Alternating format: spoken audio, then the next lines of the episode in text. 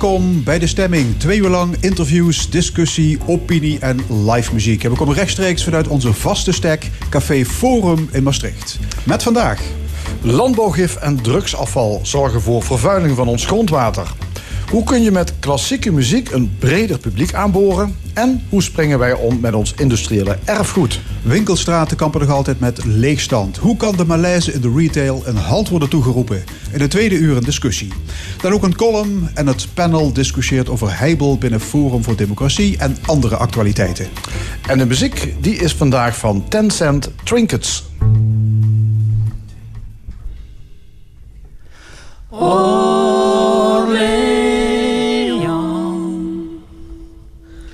Beau Beaugency.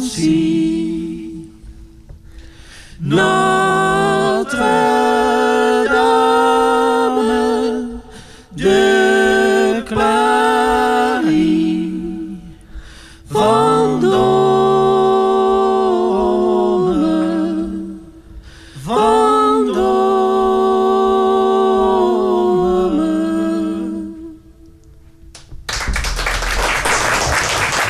Tencent Trinkets a cappella. Ons drinkwater wordt bedreigd. Er is al landbouwgif aangetroffen in het grondwater. En dat lijkt een kwestie van tijd voordat drugsafval doorcijpelt naar de drinkwaterlagen. Ook de toestand van het Maaswater is allesbehalve rooskleurig. Moeten we ons zorgen gaan maken over de primaire levensbehoefte bij uitstek, ons drinkwater? Koen Augustijn van de Waterleidingmaatschappij Limburg is onze eerste gast. Goedemorgen, Koen Augustijn. Ja, de, de glazen met drinkwater staan ook hier op tafel. Eh, gewoon drinkwater eh, van WML, neem ik aan. Ehm, hoe is de toestand van ons drinkwater? Drinkwater is, eh, is en blijft altijd van uitstekende kwaliteit. We zijn in, in Nederland en ook in Limburg wereldkampioen drinkwater maken. En dat, dus het drinkwater, zolang, wij, zolang er water uit de kraan komt, is dat water goed. Eh, op het moment dat het water niet goed zou zijn, dan mogen wij het water ook niet leveren. Dus het drinkwater is altijd van uitstekende kwa- kwaliteit. En ja, waarom ik hier zit, dat heeft te maken met dat de bronnen van het, eh, van het drinkwater, en dat is het grondwater, dus ook het maaswater in Limburg. We maken zowel van grondwater als van maaswater drinkwater.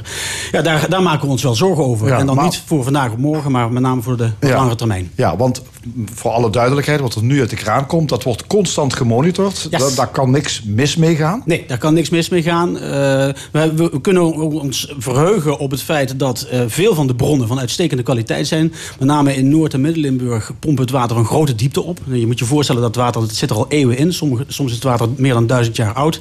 Maar dat water is helemaal heel, heel bacteriologisch compleet stabiel. Er hoeft alleen maar wat ijzer uitgehaald te worden. En dat is dus van uitstekende kwaliteit. Maar er zijn plekken eh, waar, we ma- maas, waar we drinkwater maken van, eh, van maaswater. Waar we op wat eh, geringere diepte water oppompen.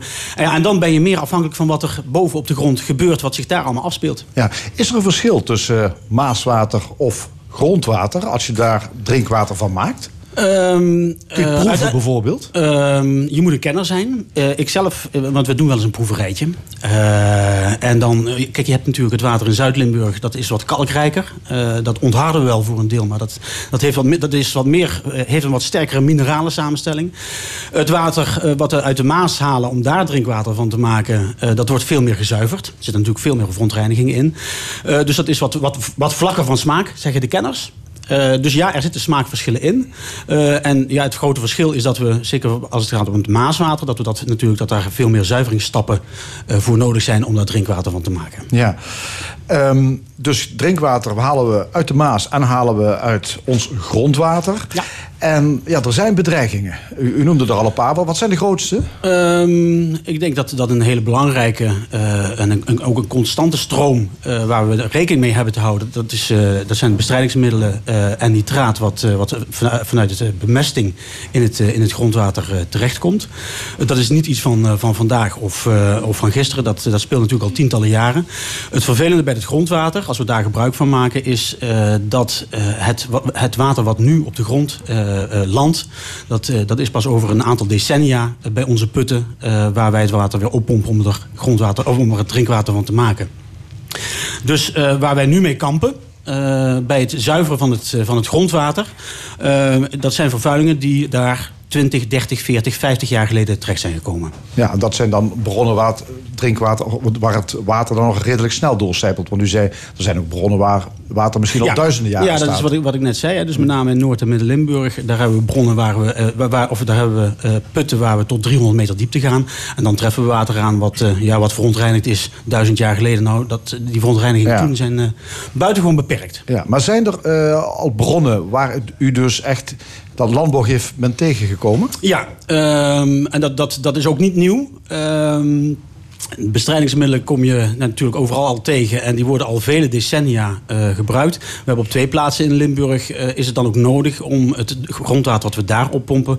om dat eh, echt een extra zuiveringsstap te laten ondergaan... voordat we er drinkwater van kunnen maken. Ja, welke, waar, welke plekken zijn dat? Dat is in Grubbevorst en dat is in, in Roosteren. Ja, en de vraag is natuurlijk, weten jullie waardoor het komt? Dat het daar ver- vervuild is. Nee, ja, het zijn bestrijdingsmiddelen die we daar tegenkomen... waarvan je eigenlijk gevoeglijk kunt uitgaan dat het van de landbouw is. uit de landbouw komt. Eh, maar ja, eh, ook mensen die hun eigen tuintje onderhouden... gebruiken ook bestrijdingsmiddelen. Dus het is wat diffuus. Het is ook niet aan ons als drinkwaterbedrijf. Kijk, wij hebben ermee te kampen. Het is niet als, als, aan ons als drinkwaterbedrijf... om precies te achterhalen waar het vandaan komt. Bovendien is dat buitengewoon moeilijk om het exact te achterhalen. Ik bedoel, wat dat betreft is de, de gang van een druppel richting grondwater... eh, die, is, die is buitengewoon diffuus.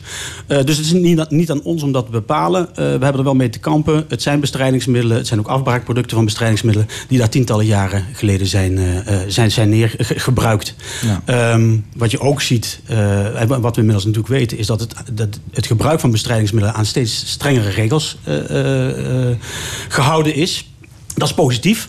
Alleen eh, de vruchten daarvan gaan we pas over enkele tientallen jaren plukken. En Ja. ja, tot die tijd, hè, wat er de komende 20, 30 jaar, eh, wat we daar nog tegenkomen in het grondwater.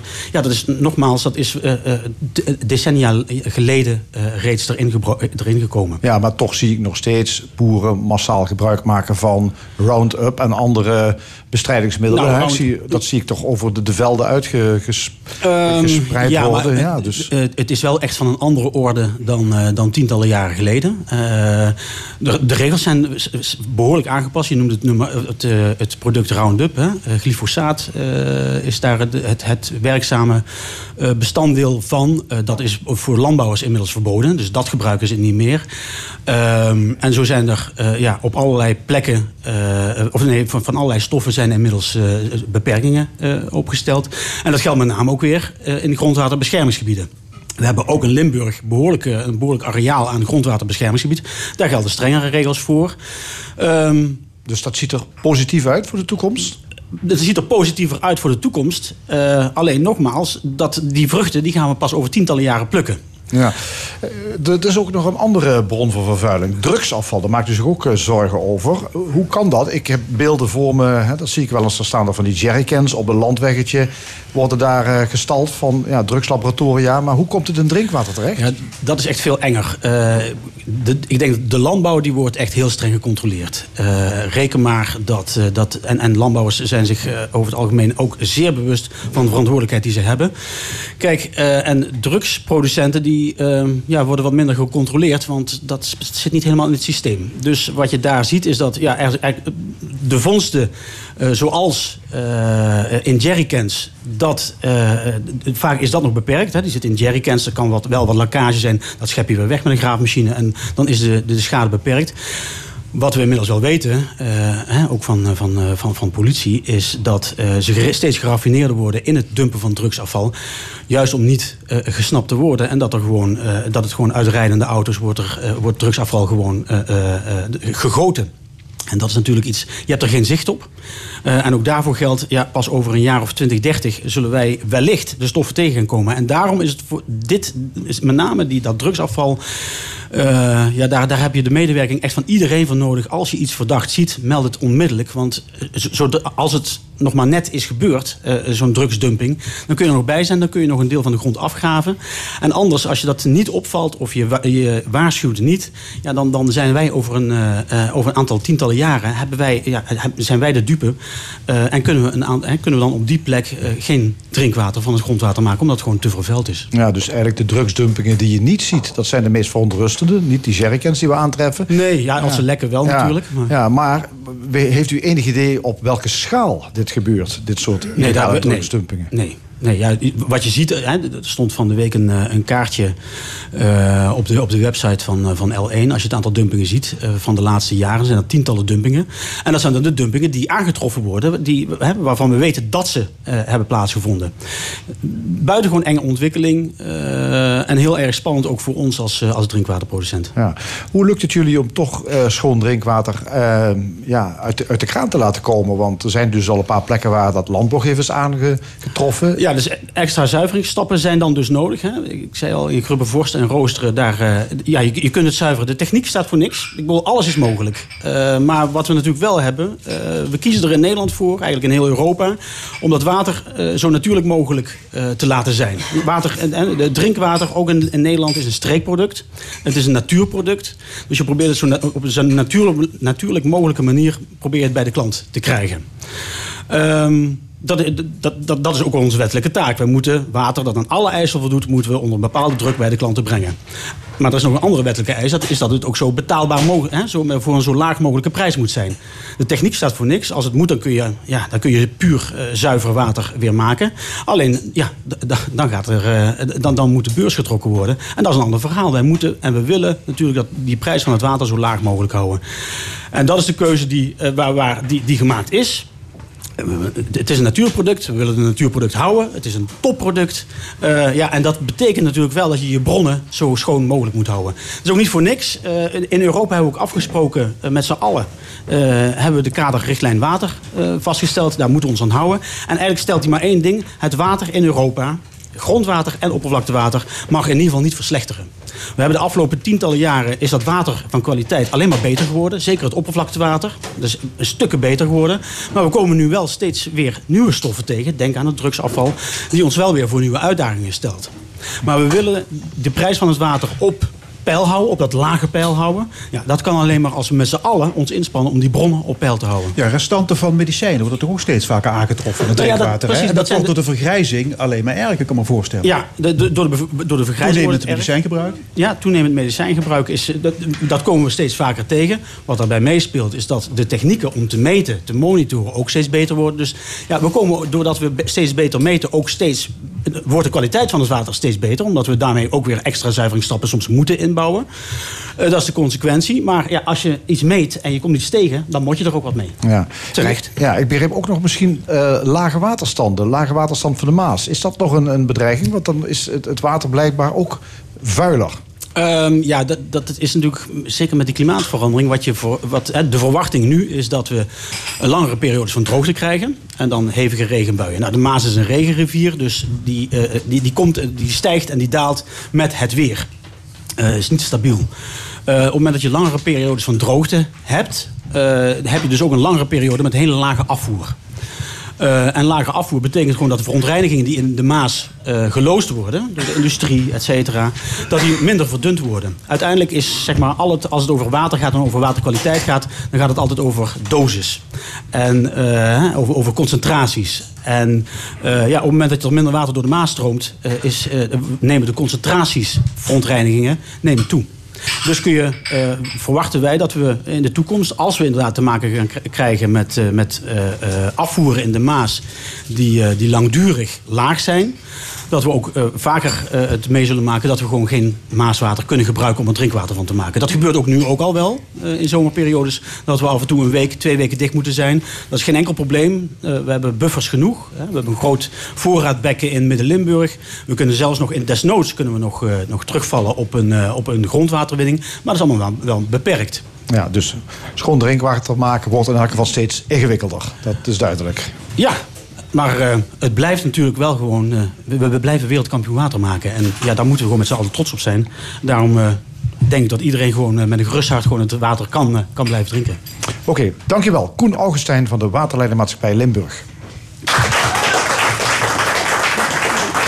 Ik sta op het uh, muziekpodium bij Wim van der Zanden, zanger-gitarist van de popgroep Ten Cent Trinkets. Wim, in welke genre horen jullie thuis? Nou, wij spelen liedjes. Uh, uh, Ten Cent Trinkets, de naam Trinkets, dat zijn snuisterijen. Dat zijn dus eigenlijk de liedjes die wij zelf mooi vinden.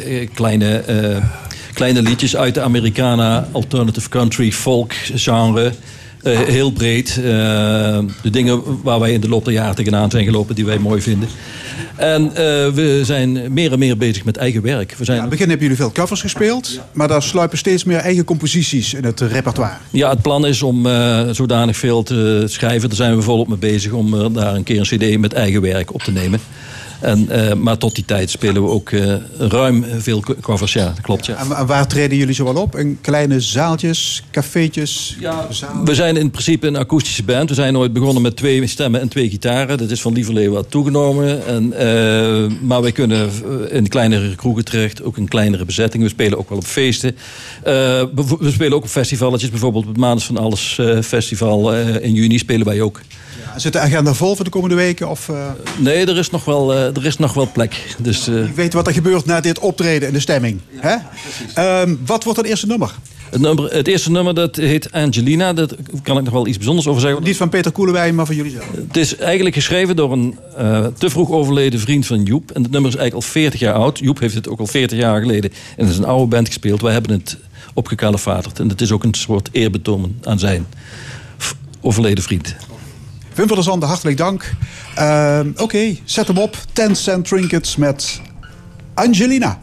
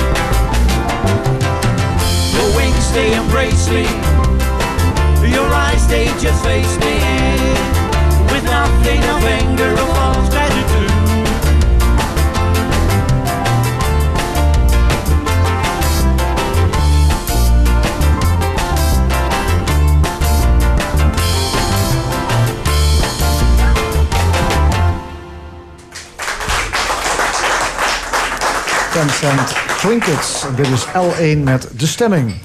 Het publiek dat klassieke muziekconcerten bezoekt vergrijst. Bovendien verlopen die symfonieconcerten al honderden jaren volgens een vast stramien. Zou dat niet anders kunnen? Is het mogelijk om die bedaagde sector wat op te schudden?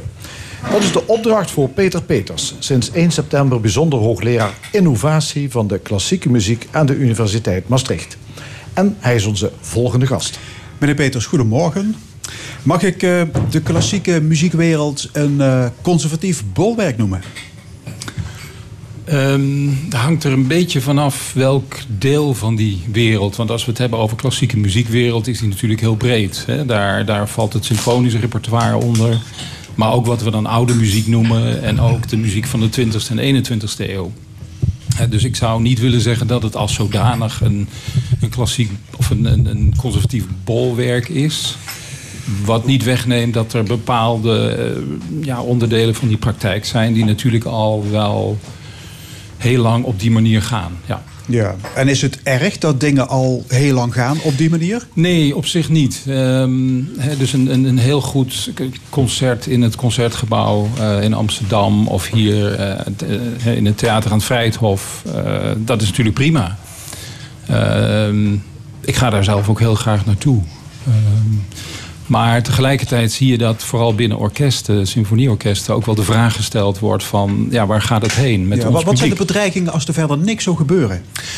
Nou ja, de belangrijkste is dat eh, wat opvalt, is dat, dat met name jongeren eh, minder geneigd zijn om als het ware aan te haken bij die, bij die praktijk. Dus het verhaal dat het publiek voor eh, symfonische concerten vergrijst is op zich al heel oud. Eh, maar in het verleden zag je dat als mensen ouder werden, dat ze dan als het ware eh, naar klassieke muziek overstapten. Ja. En dat zie je tegenwoordig minder gebeuren. Ja, is, de, is die trend is die, is die gestopt? Ja, de- ja, die, dus die klacht bijvoorbeeld- hoor je ook heel vaak in de toneel en in de museumwereld en de journalistiek. Ja. We moeten ons richten op een jonge publiek, want anders dan zijn we niet toekomstbestendig. Ja, ja. Nou ja, wat je ziet is dat eh, mensen die dus op jonge leeftijd eh, ja, eh, van popmuziek houden, dat die eigenlijk ook als ze ouder worden trouw blijven aan, aan die stijl. En op zich is dat natuurlijk heel prima en begrijpelijk. Ehm, maar ik denk dat dat een van de belangrijkste aspecten is. Ja, Ja. Die, die- En, en, en wie kwam nu op het idee om de klassieke muziek toch eens op het rooster te leggen? Ehm, ik denk dat dat op dit moment op heel veel plekken in de wereld gebeurt. Dus de kwestie van hoe vernieuwen we die praktijk, eh, die, ja, die wordt op heel veel plaatsen opgepakt. En het eh, centrum waar wij eh, eh, nu mee begonnen zijn, is ook een initiatief van Philharmonie Zuid-Nederland, van de directeur Stefan Rozu. Die eh, naar de universiteit kwam met de vraag: kunnen jullie ons helpen eh, in dat streven naar innovatie? Ja, en er is dit instituut uitgerold, het MCICM, het Maastricht Center for the Innovation of Classical Music. En u bent per 1 september bijzonder hoogleraar. En ik heb begrepen dat u Philharmonie Zuid-Nederland mag gebruiken als laboratorium. Ja, ik denk dat. Zo'n zo proefkonijn dus. Ja, klopt. Ja. Ja. Ik denk dat dat ook het bijzondere is van het onderzoek wat wij doen. Ehm, dat is niet alleen academisch onderzoek, zoals je dat aan de universiteit eh, doet. Maar het is ook praktijkonderzoek. Ehm, dus het, is een, het orkest is een laboratorium. En ehm, het- Stefan Rosier heeft het ook wel vergeleken met een, met een academisch ziekenhuis. Hè, waar we het heel gewoon vinden dat daar ehm, ja, doktoren rondlopen die ook onderzoek doen. Dat ligt heel erg voor de hand. En dat idee dat hebben we ook een beetje opgepakt Ja. hier. Ehm, goed, laten we eens beginnen bij het repertoire. Hè. Symfonieorkesten die spelen heel vaak de grote 18e eeuwse componisten. Hè. De, de 19e drie- de- eeuws. Ja, de drie B's, Bach, Beethoven, Brahms. Vindt u dat je die muziek mag bewerken? Ja, dat vind ik. Ja. Maar is het niet zo dat wij dat werk hebben gecanoniseerd? Is het geen heiligschennis om daarin te, te rommelen? Nee. Waarom niet? Nou, omdat ik denk dat ehm, het, het idee dat die werken als het ware ja, eh, onveranderlijk zouden zijn, dat is ontstaan in de 19e eeuw. Als we even, even naar Bach kijken, in de tijd dat hij die muziek componeerde, was dat vaak gebruiksmuziek. Die werd geschreven voor een bepaalde gelegenheid en eh, daarna kwam er weer andere muziek. Dus het hele idee van het soort onsterfelijke meesterwerk is een, uitzending, of is een uitvinding van de 19e eeuw. Oké. En, Dus, dus eh, Vuur Elise spelen op een, eh, op een panfluit mag Prima. allemaal wat Ja, betreft. prima. Ja. Oké. Ehm, het plan is, heb ik begrepen, om te gaan experimenteren met een symfonie van Gustav Mahler. Mhm. Eh, welke? Ja. Nou, ehm, dat is eigenlijk een mooi voorbeeld van waar ik het net over had. Je kunt zeggen, we hebben een symfonie van Mahler... en we weten allemaal hoe die klinkt. En we gaan naar het concertgebouw of naar het theater aan het Vrijthof. En dan is zo'n uitvoering iets wat heel erg aan allerlei regels en gewoontes onderhevig is. Eh, In zekere zin weten we precies wat we kunnen verwachten. En nogmaals, op zich is daar niks mis mee. Maar het risico is wel dat je ehm, die muziek. Ja, hoe moet ik het zeggen? Ehm, dat wat er ook nog allemaal in die muziek aanwezig is, niet, niet goed hoort. Dus wat wij willen doen, is zeggen: we nemen een aantal van die symfonieën. En we gaan kijken welke volksmuziek Mahler gebruikte. Want Mahler componeerde die muziek niet uit het niks, maar werd beïnvloed door de muziek van zijn omgeving. En dat nam hij allemaal op in die, in die symfonie. En door als het ware te kijken naar een aantal van dat soort volkselementen, hebben we gezegd: dan gaan we die muziek arrangeren voor kleine ensembles. Met muzici van het orkest, maar bijvoorbeeld ook met klezmer-muzici of met Hava-muzici. en dan gaan we die maler uitvoeren in een café zoals dit.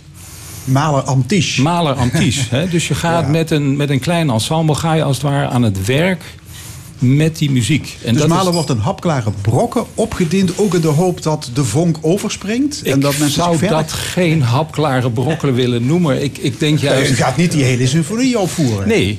nee, maar we gaan wel op een andere manier aan het werk met die, met die noten, met die muziek. En waarom doen we dat? Omdat we denken dat we daarmee ook weer een, nieuw, ja, een nieuwe ervaring rond die muziek kunnen creëren. Ja. Als je het hebt over het bewerken van de klassieke muziek, daar kom je niet heen om eh, André Rieu, hè, dat is zijn core business, zeg maar. Er zijn muzikanten die hebben trouwens geen eigen partituur, maar die, die werken met hetzelfde piano-uittreksel. Ja. Hoe, hoe werkt dat precies? En hoe bijzonder is dat? Dat is denk ik deel van het handelsmerk van André Rieu. Eh, de manier waarop hij werkt, de manier waarop hij de muziek die hij uitvoert eigenlijk altijd bewerkt. Of het nou ABBA is of Beethoven. En ehm, normaal gesproken in een, in een symfonieorkest heeft elke muzikus een eigen partij. En die partijen tellen op tot de partituur. En het idee is dat je die zo getrouw mogelijk uitvoert. Ehm, het, terwijl bij Rieu muzici spelen uit zo'n piano-uittreksel... en daarmee een bepaalde vrijheid hebben ook, als muzici. En die vrijheid die benut Rieu en benutten de muzici tijdens hun repetities... waardoor eigenlijk ja, elke opname die ze maken ook voor een deel geïmproviseerd is. Ja, is, is Rieu eh, voor u als eh, bijzonder hoogleraar een, een lichtend voorbeeld? Is dit hoe het zou moeten? Ik Hoe vind, het zou kunnen? Ja, ik vind zeg maar die omgang met muziek, waarbij je zegt van muziek is niet een soort onveranderlijk monument, maar is iets waar we voortdurend mee aan het werk zijn en wat we dus ook voortdurend bewerken. Ehm, dat spreekt me heel erg aan. Ja. Over een paar weken komen de brochures van de Schouwburg weer uit. Hè. Dan kun je zien welke stukken bijvoorbeeld de Philharmonie Zuid-Nederland komend seizoen gaat spelen. Vindt u dat het publiek eigenlijk inspraak zou moeten hebben bij de keuze van het repertoire? Ja, Maar u weet ook waar dat toe leidt. Namelijk tot Music for the Millions. waarom? Nou ja, dat wordt er een heel voorspelbaar lijstje. Dat, dat wordt de Bolero, dat wordt de Carmina Burana, Ja, de maar in, Radetzky-mars. in zekere zin zie je dat nu ook al een beetje gebeuren. Hè? En dat heeft denk ik minder met de smaak van het publiek te maken... als wel met de eis dat die zalen vol moeten zitten. En op zich is dat prima. Natuurlijk willen we dat zoveel mogelijk mensen naar die concerten toe komen. Maar ehm, ik vind het in zekere zin alleen maar mooi als mensen nadenken over de vraag... waarom zouden we dit stuk hier, nu, vandaag, op deze plek uitvoeren? Je ziet dat in het, in het toneel, in het theater. Zie je dat eh, gebeuren? Waarbij het opvoeren van een stuk altijd de vraag van het actualiseren eh, Ja. in zich Maar draagt. wordt het niet te veel, u vraagt, wij draaien? Ja, dat hangt er natuurlijk ook vanaf hoe je dat organiseert. Ehm, en dat is een van de dingen die wij in het centrum proberen te onderzoeken. Hoe kun je dat publiek nu een rol geven? Ook in het nadenken over die programmering. Ja. U zei daar straks, een klassiek concert is altijd deftig en wat, wat stijfjes, hè, met vaste rituelen. Je moet ook niet klappen tussen twee delen, want dan ben je ook het haasje in de zaal. Moet die sacrale sfeer eh, ook anders? Moet dat informeler? Ja, dat hangt denk ik ook weer af van in welke situatie. Als we het hebben over die Maler waar ik het net over had... dan kun je Maler heel goed uitvoeren... terwijl mensen op de achtergrond aan het praten zijn. En dat was ook in de in de tijd voor, laten we zeggen, 1800 heel gewoon. Ehm, in de tijd van Mozart, ja, noem maar wat.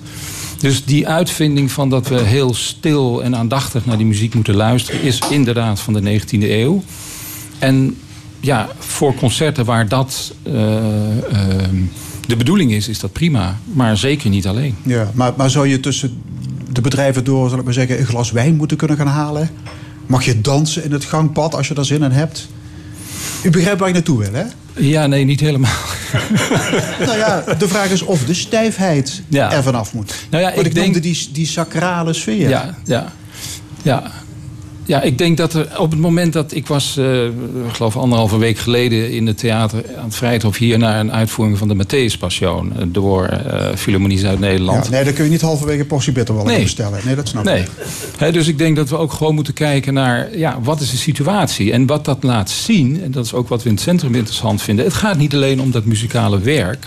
Maar het gaat ook om de situatie waarin je het uitvoert. En dat is bij André Rieu een andere hè, dan in het concertgebouw. En dat mag allemaal.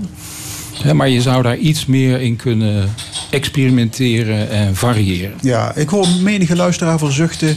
God allemachtig, dat leidt onherroepelijk tot vervlakking... popularisering, vulgarisering. Kunt u die mensen geruststellen? Ja, omdat ik niet zeg dat je helemaal geen concerten meer op de gebruikelijke manier nee, zou moeten organiseren. Natuurlijk niet. Nee. Maar vindt u hier en daar wel weerstand? Vinden ze u de, de grote vergeler? Nee, dat heb ik nog niet zo horen formuleren. Ehm, ik denk dat er debat nodig is. En dat is er ook. En natuurlijk is er heel veel ehm, ja, wat er op het spel staat. Heel veel wat waardevol is. En ik bedoel, dat, daar moeten we heel voorzichtig mee omgaan. Dat geldt voor eigenlijk voor elke vorm van erfgoed. En tegelijkertijd geldt ook voor elke vorm van erfgoed... dat als je het echt wil bewaren... moet je het ook steeds op nieuwe manieren leren gebruiken. En dat geldt voor de symfonische muziek, eh, denk ik ook. Dus dat debat is goed. Laten we het er vooral over hebben. Ja. ja, dat wetenschappelijk onderzoek van u dat moet leiden tot een nieuw publiek, hè, jonger publiek. Eh, je zou kunnen beginnen met het geven van korting aan jongeren. Hè, klassieke concerten zijn niet goedkoop, daar moet je Nee. heel wat vakken Ja. voor vullen. Eh, is, is, dat geen, is dat geen optie? Ja, en ik denk dat het ook wel gedaan is. Hè. Dus door Philharmonie uit Nederland. Die hebben een, een serie gehad speciaal gericht op, eh, op, op, op eh, jongeren, studenten. En eh, ik weet niet exact het bedrag, maar dat was echt heel veel lager dan wat je daar normaal voor, ja, voor betaalt. de, tent vol? Nou, niet helemaal. En dat, dat geeft dus ook aan dat je meer moet doen dan alleen die prijs verlagen. Ja. Ja. Tot slot, ik heb begrepen dat u bezig bent aan een boek over het orgel. U speelt zelf orgel sinds uw vijftiende. Waar gaat uw boek precies over? Ja. ja, dat boek gaat over een orgel wat gebouwd is in Amsterdam in het Orgelpark. Een concertzaal waar eh, ze proberen het orgel een nieuwe rol te geven in het muziekleven. Orgel is ook heel erg geassocieerd met, eh, met de kerk, natuurlijk. En wat ze daar gedaan hebben is een orgel bouwen wat aan de ene kant de klank van de 18e eeuw probeert zo goed mogelijk ehm, na te doen, zou je bijna kunnen zeggen. En tegelijkertijd dat orgel aan te sluiten op de techniek van de 21e eeuw. Oké, ja, past het orgel bij het onderwerp vernieuwing? Absoluut, want het laat heel mooi zien dat je het verleden hè, kunt hernemen op nieuwe manieren. En daarmee ook ja, nieuwe muziek kan maken. Oké, helemaal tot slot. Hoe uniek is uw onderzoeksinstituut? Wordt u, laat ik zeggen, in het buitenland nauwlettend in de gaten gehouden? Ja, ik, ik, eh, ik denk het wel. Dus die samenwerking die we hebben tussen drie partners... dat heb ik nog niet gezegd, het orkest, de, eh, de universiteit en eh, Hogeschool Zuid... ehm, is in deze vorm uniek. En verscheen naar aanleiding van het symposium wat we georganiseerd hebben... twee weken geleden ook een stuk in de Frankfurter Allgemeine... waar men eigenlijk met zoveel woorden zei van... wat jammer dat we dit niet ook in Duitsland hebben. Ja, kortom, we gaan nog van u horen. Hopelijk. Hartelijk dank, Peter Peters, bijzonder hoogleraar innovatie van de klassieke muziek. En zo meteen in de stemming scheidend hoogleraar Ernst Homburg over ons gebrek aan aandacht voor industrieel erfgoed. Maar nu eerst Tencent Trinkets hier live op het podium Bitter Sweet.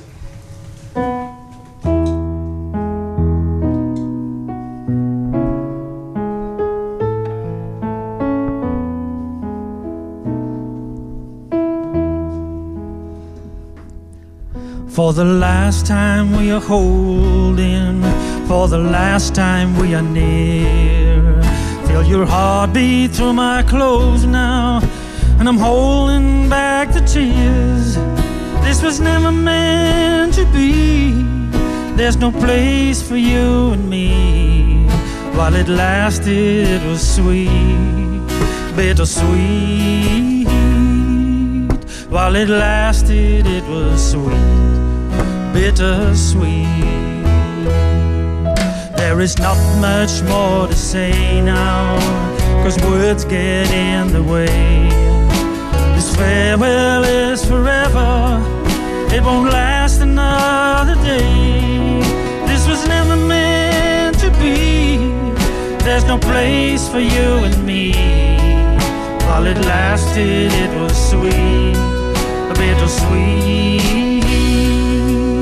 While it lasted, it was sweet, bittersweet.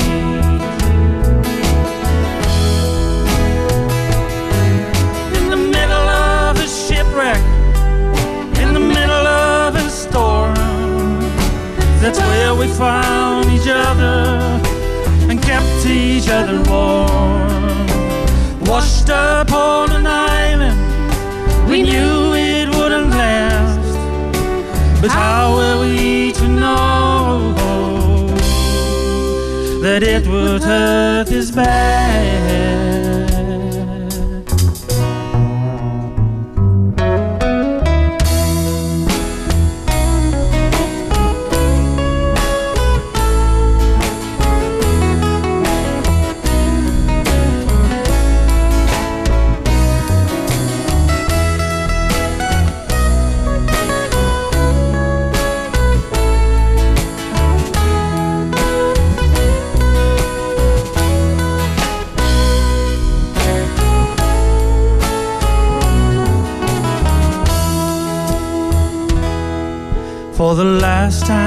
Holding, for the last time we are near. I feel your heartbeat through my clothes now, and I'm holding back the tears. This was never meant to be. There's no place for you and me. While it lasted, it was sweet, bittersweet. While it lasted, it was sweet, bittersweet. There's no place for you and me. While it lasted, it was sweet, bittersweet. While it lasted, it was sweet, bittersweet. While it lasted, it was sweet, bittersweet.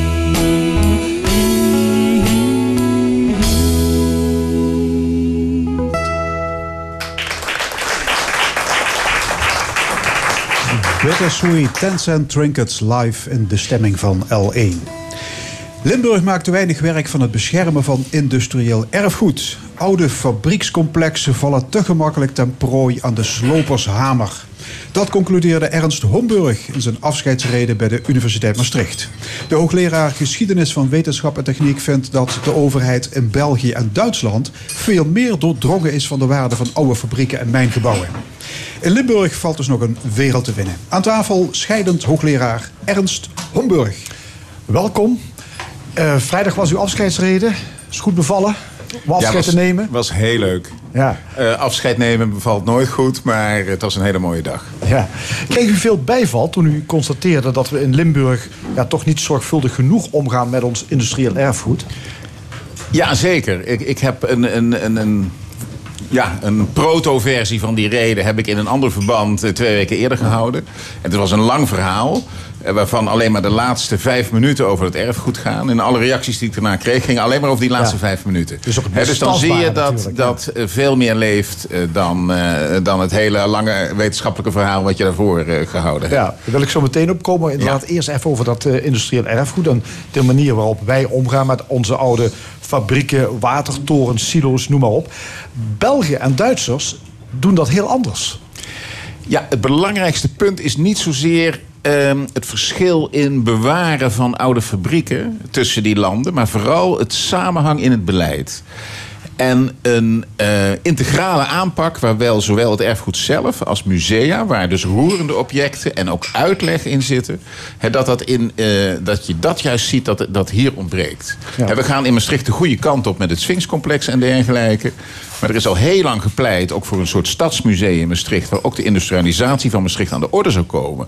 Dat al die prachtige voorwerpen die in de kelders van het Santos Ceramiek liggen, die veel meer geëxponeerd zouden worden, waardoor er een integraal verhaal van de fabrieken en de objecten bestaat. Nou, die dimensie zie je in België en Duitsland wel en in, ontbreekt hier grotendeels. Nee, wat, wat, wat doen ze bijvoorbeeld in België en Duitsland dan? Wat, wat, wat- Eh, het belangrijkste is dat daar de, eh, zeg maar in, in Wallonië het, het Waalse niveau. En in Duitsland zeg maar het eh lenderniveau of het eh, Landersverband Westfalen-Liepen. Dat, er dus een, dat die een overkoepelende organisatie van musea en sites. Met toeristische routes, met fietspaden, met autoroutes, met wandelpaden, met documentatieboekjes. Dus dat is een integrale aanpak waar mensen van het ene object naar het andere worden verwezen. Zowel de fabriek kunnen bekijken, als erover kunnen lezen, als eh, bepaalde objecten kunnen zien. En eh, ja, dat is de manier waarop we hier eh, tot nu toe niet werken. Nee, in het drooggebied koesteren ze ook die oude fabrieken. Hè. Daar worden echt Ja. prachtige ja, nieuwe functies ingebouwd. Ook in, in België, in Genk gebeurt dat. dat. Ja, men schat dat echt op waarde. Dit. Men was daar, ja, dat begint nu hier te komen. Laat ik dat voorop stellen. Hè. Dus we gaan de goede kant op.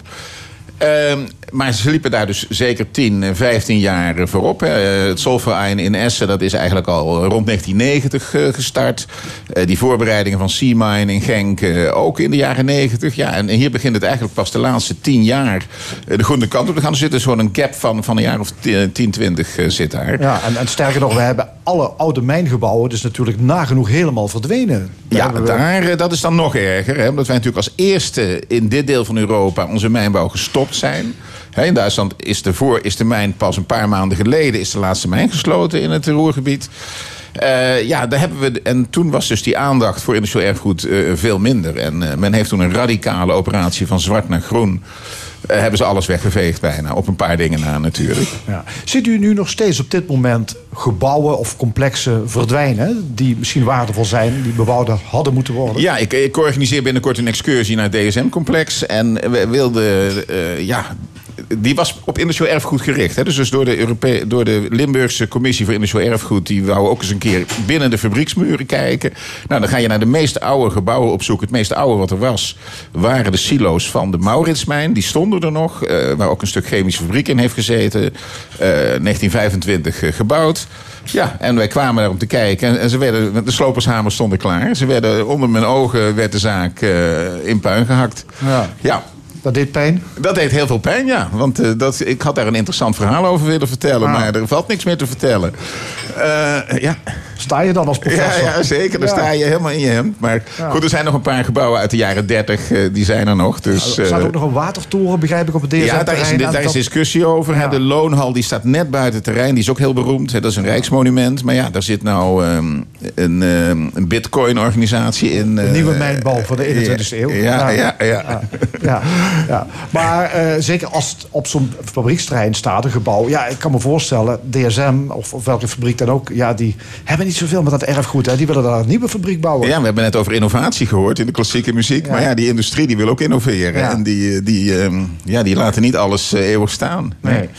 U bent zelf chemicus. Eh dat is wel een opmerkelijke overgang. Hè? Van chemicus bent u eigenlijk historicus geworden, maar dan wetenschapstechniek-historicus. Ja, ja dat is, ik ben een beetje een amateur dus op het gebied van de geschiedenis. Ja, ik niet Hoewel ik al suggereren, 40 of dat, jaar eh, aan werk. Ja. Maar ja, een geleidelijke overgang. Het, het, het- geschiedenis was altijd mijn hobby.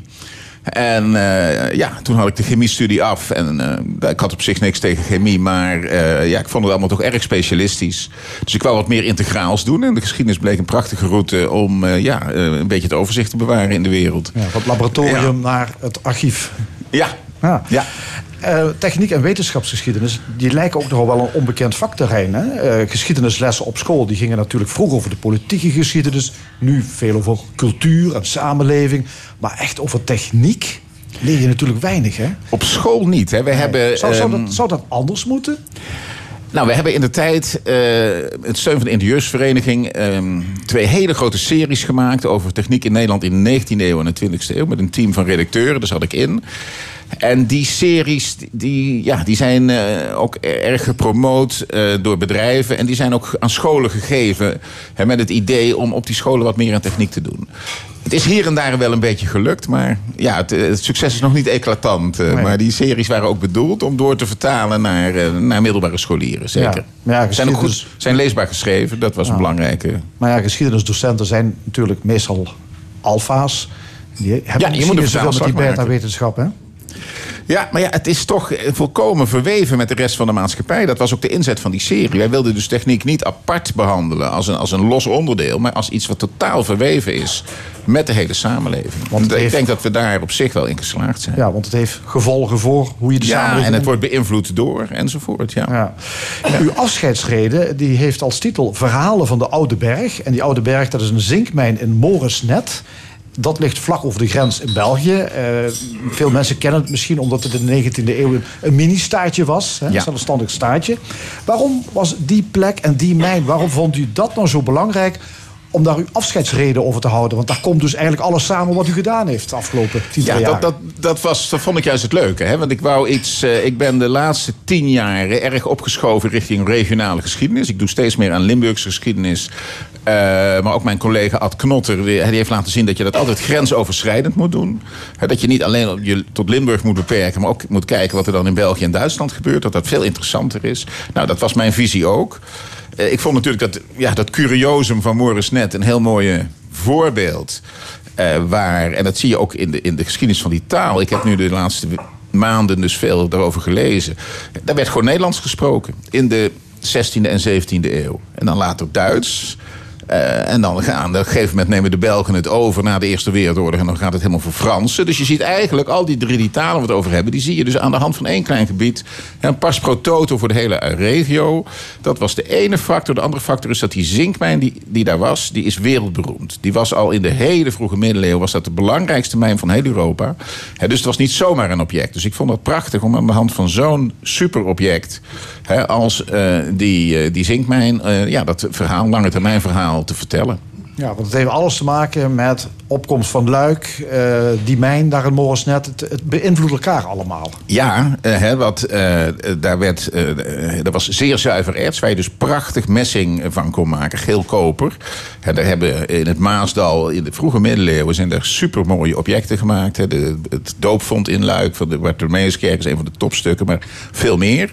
Nou, dus dat was een heel welvarende regio toen, die later dus door al die oorlogen, hè, 80 jaar oorlog is desastreus geweest voor dit gebied natuurlijk, maar daarvoor was dat een zeer welvarend gebied. Nou, die mijn die zat dus in het Akense. En, en daar werd dus geleverd aan die, eh, aan en Namen en al die, al die messinggieters eh, van het Maasdal. Maar ook over heel Europa. Dus die voorwerpen gingen over heel Europa. Dus het was echt al een, een, een grote multinationale onderneming. En door de Franse revolutie, in de Franse tijd, is dat helemaal in de greep van Luik gekomen. Want daarvoor was het veel meer op Aken en op Maastricht en, en breder op het Duitse gebied gericht. Maar ja, eh, de Fransen die pikten dat in.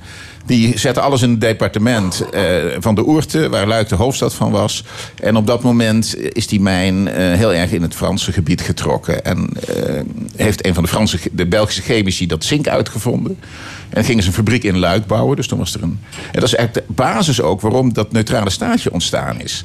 Want voor die tijd ja, was dat niet zo'n probleem. Maar omdat Luik de zinkfabriek in Luik zette en niet in Morisnet, was er opeens een hele duidelijke link. En wou Nederland, toen ke- koning Willem I daar de baas werd, die wouden dat niet aan eh, de Pruisen afstaan. Ja. En de Pruisen zeiden, ja, dit is ons oude gebied. Maar de Nederland zei, ja, we hebben, enzovoort. Ja, maar de- Ja. Hier, hier komt Ja. dus wetenschaps- en techniekgeschiedenis geeft hier aan dat dat ook weer politieke consequenties Ja, had. dat had enorme politieke consequenties. Juist, hè, want je kunt ook zeggen... waarom hebben ze die zinkfabriek niet in Morisnet gebouwd?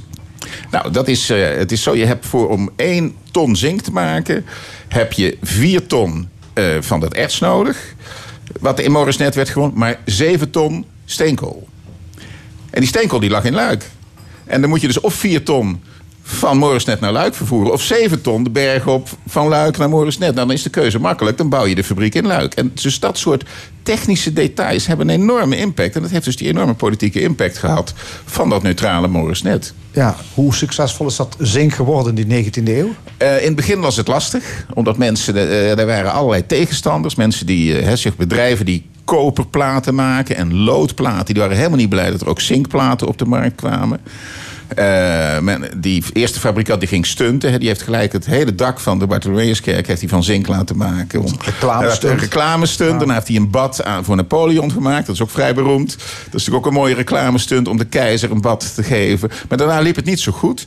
Maar halverwege de eeuw ging het heel goed lopen. En is het een, ja, een, een wereldindustrie geworden. Ja. Ja. toen wel, maar op een gegeven moment was ook die zinkmijn uitgeput. Eigenlijk daardoor- een beetje vergelijkbaar met wat hier in, eh, in ons mijngebied gebeurt. Dus later natuurlijk, met die wat is er in Moors net nog over van de mijn? Dat is nog erger haast dan zwart, eh, van zwart naar groen. Dat- Ze hebben de hele zaak eh, dichtgegooid met afval. En daarna asfalt erover. En er wordt nou de kermis gehouden. Maar, en dat is dus het verschil. Dat is ook de les voor Limburg. Ze hebben wel nu een museum gebouwd. Een goed museum waar je dus allerlei objecten die ermee te maken hebben kunt zien. En het verhaal wordt doorverteld. Dus hoewel er. Hè, en dat zijn net het soort dingen wat hier ontbreekt. Hebben ze daar dus wel eh, met behulp van de Waalse overheid gedaan. Dat er nu een vrij goed zinkmuseum is. Ja, want eh, nou ja. Ja. in onze mijnstreek is ook alles verdwenen. Dus ja, een goed museum, dat zou daar niet meer staan in die regio. Ja, er zijn wel musea. Je hebt natuurlijk Museumplein Limburg Ja. en je hebt het Mijnbouwmuseum. Maar eh, je hebt ook goede wetenschappelijke staf nodig. Je moet eh, routes langs de objecten houden. Dus je moet die dingen aan elkaar koppelen. Nou, en die dimensie, die ontbreekt nog. Dank u wel, Ernst Hamburg. Oké. Straks een bestemming. Veel winkelketens gaan failliet. Hoe komt dat en hoe kun je de winkelstraat gezond houden? Verder een column van Nina Bokken, discussiepanel en muziek van Ten Cent Trinkets. Blijf luisteren. Tot zometeen.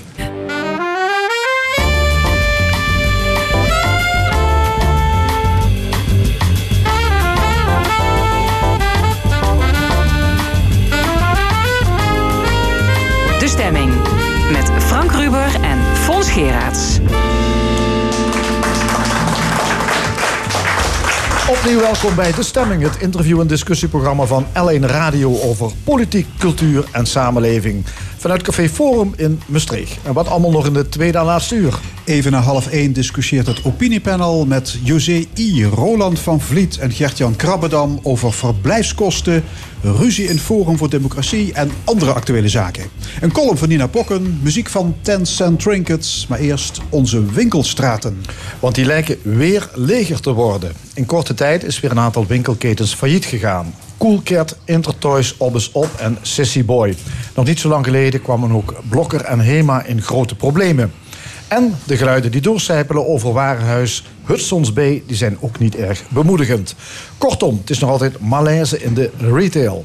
Wat zijn de oorzaken en hoe kan het tij worden gekeerd? Aan tafel drie deskundigen. Jan Bouten, centrummanager in Panningen... Hans Kasper, emeritus hoogleraar marketing... en Mark Wolfs, trainer klantbeleving. Ja, winkelketens blijven maar eh, omkiepen. Hè, dat gaat tamelijk hard. Mark Wolfs, hebben we het ergste gehad? Of gaan er nog meer ketens op de fles? Wat denkt u? Eh, ik denk dat we het ergste eh, gehad hebben. Er zullen altijd ketens eh, blijven omkiepen. Dat is al jaren zo. Je ziet ook in het verleden ketens die omgekiept zijn... maar die gewoon weer een herstart hebben gemaakt. Als je eigenlijk gewoon kijkt... en het zijn bronnen, locaties die heel veel winkelpanden verhuren. In Nederland is het niveau vierkante meters winkelruimte... al jaren stabiel rond de 220.000 vierkante meter. En dat neemt eigenlijk nauwelijks af. Het, het, het verschuift alleen.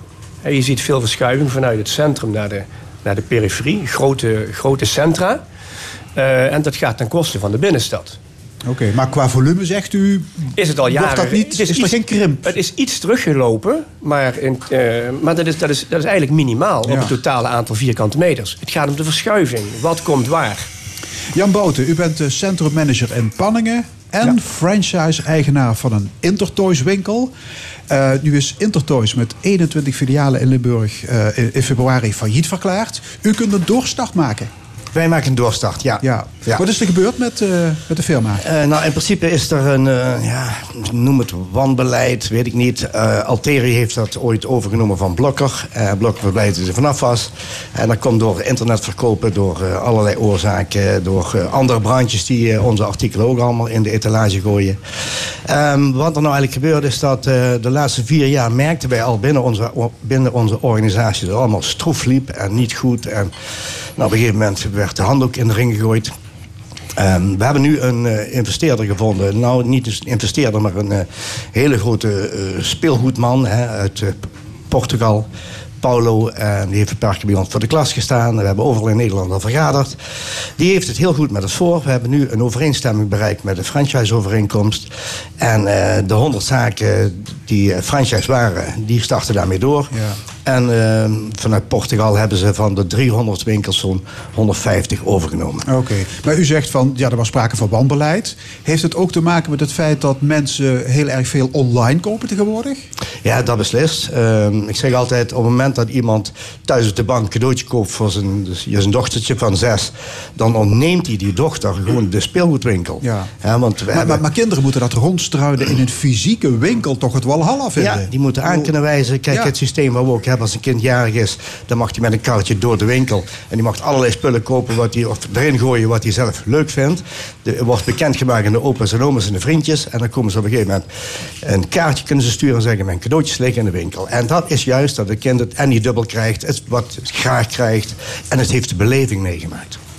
Hans Kasper, ehm, emeritus hoogleraar marketing. Ja, shoppen via internet. Is Mhm. dat vijand nummer één van de winkelstraat? Is een van de vijanden. Kijk, er gebeuren een heleboel eh, dingen op het moment. Eh, misschien gaat dat eh, online eh, zich ook wel weer een beetje keren. Want we merken op het moment dat het natuurlijk ook heel belangrijk is om naar de winkel toe te komen. Net als het verhaal wat we net gehoord Ja. hebben. Dat je producten ziet en dat je ze vast kunt houden. En dat je zelf kunt kijken hoe het er nou uitziet en wat je ermee Dus kunt. de slimme ondernemers die combineren eh, online beide- verkoop met de fysieke, de Ja, fysieke kijk, winkel. En het is een stukje plezier, het is beleving. Maar het is nog een ander punt. En dat, eh, dat hoor je toch wat weinig in de discussie op het moment. Eh, het gaat natuurlijk ook om een kwestie van vertrouwen. Vertrouwen in een bepaald merk, in bepaalde producten. En dat je dat ziet. En dat is vreselijk lastig, om dat allemaal via het internet Ja, maar noem eh, eens, noem eens een voorbeeld van verkeerd vertrouwen. Nou, ik denk, kijk, ja, ik, maar misschien ligt dat dan ook aan mijn leeftijd. eh, ik ga niet meteen wat via Marktplaats eh, kopen. Dus dan denk je toch van hoe goed zit dat in elkaar en is het ook met mijn geld allemaal goed geregeld straks. Ik vind het veel leuker om de, in winkels rond te lopen, in de winkelstraten te kijken wat mensen doen. Dus je ziet dat men zich daar oriënteert en vervolgens wel op het eh, internet gaat kijken waar kan ik het nu het goedkoopste kopen. Kijk, en als je dan vervolgens een enorme con- prijsconcurrentie in de retail eh, hebt. Dat zie je in de kledingwinkel, dat zie je in speelgoed, dat zie je in eh, de drogisterij. Ja, dan gaat. En de Nederlanders zijn daar heel gek op, op kortingen. Dus dan wordt er op prijs gekocht. En waar het goedkoopst is, dat koop je dan. En dan heb je sommige winkels, sommige drogisterijketens verkopen nou ook speelgoed. Die kopen partijen op, kunnen dat heel, tegen een heel lage prijs in de markt zetten. Ja, en zo door die keiharde prijsconcurrentie zal de sterkste Ja, overblijven. dan krijg je een slagveld. Ja. Mark Wolfs, er wordt gezegd dat veel retailers in slaap zijn gesukkeld. Dat ze te weinig hebben nagedacht over nieuwe formules, over productontwikkeling. Klopt dat? Ehm, ik, ik denk wel dat mensen zijn blijven steken in wat ze vroeger hadden. Ehm, kijk, vroeger, je ging, je ging naar je vertrouwde winkels. Je ver- vertrouwde winkelgebied, je vertrouwde winkelstraat. Dat beeld is veranderd. Mensen gaan, eh, gaan, gaan googlen en gaan kijken in welke stad wil ik winkelen. Welke stad spreekt mij aan? Kijk even, ik kom uit Roermond. Elke zondagmorgen treinen vol mensen die gewoon uit, uit andere steden komen. Die, die, die toch ook eh, eh, daar komen shoppen. En natuurlijk ook naar het, naar, naar het outlet gaan. Ehm, maar je, je moet dus wat we doen aan die beleving. Hè? Het werd net al gezegd. Ja, maar daar wil ik straks op terugkomen. Maar Ja. hebben winkeliers zitten die zelf ook een beetje te Ja, ik denk als je dus het, het, het volgen van de ontwikkeling, hè, dus inderdaad zorgen dat je multi-channel bent, dat je eh, fysieke winkel hebt, maar ook gebruik maakt van, van het internet. Stel, ik ga een boek kopen, of ik kom in een boekhandel, ik, ik, ik kijk daar rond en ik vind niet het juiste boek. Waarom moet ik naar die winkel terugkomen? Waarom bestellen ze het niet voor me, sturen ze het naar me op? Waarom moet ik dan weer parkeergeld gaan betalen, enzovoort, enzovoort. Ik, die service, die verwacht ik van een boekhandel. Maar neem, neem. Coolcat. Hè? Dat, Ja. dat, dat was een imperium met 80 winkels. Eh, een paar jaar geleden werd nog 15 miljoen euro winst gemaakt. En nu failliet. Dus kennelijk, de jongste generatie vindt die kleren helemaal niet meer zo cool. Meneer Bouten, Ja, wat dat vindt u ervan? De kleding is natuurlijk niet mijn tak van sport. eh, maar je hoort wel om je heen. Ik hoop dat de jeugd een keer moe wordt om elke keer die kleding terug te sturen. Eh, want daar gaat het om. Hè. Het is veel te makkelijk om alles in huis te halen en te passen en te kijken. En dan voelt het toch weer net niet lekker of het zit niet goed en noem maar op. En dan moeten ze leren om toch naar die fysieke winkel te gaan. Van de andere kant ben ik het ergens niet mee eens. Eh, eh, wat er de laatste jaren gebeurd is, we hebben de winkelstraten ook kil gemaakt. We hebben die bloembakken eruit gegooid voor vernielingen en noem maar op. Ik kom regelmatig in andere centra's en daar hebben wij ons helemaal op gefocust. We hebben een branding gemaakt van thuis in Panningen. Thuis voel je je veilig, voel je je op je gemak en zo, zo, presenteren wij ons centrum. Tijd voor een praatje, ruimte voor te ontmoeten. En we hebben het geluk dat we een bovenregionaal plattelandscentrum zijn, waarbij heel veel eigen ondernemers zijn en weinig grote ketens. Die ondernemers die hebben contact met de klanten, staan zelf in de zaak, staat service hoog in het vaandel.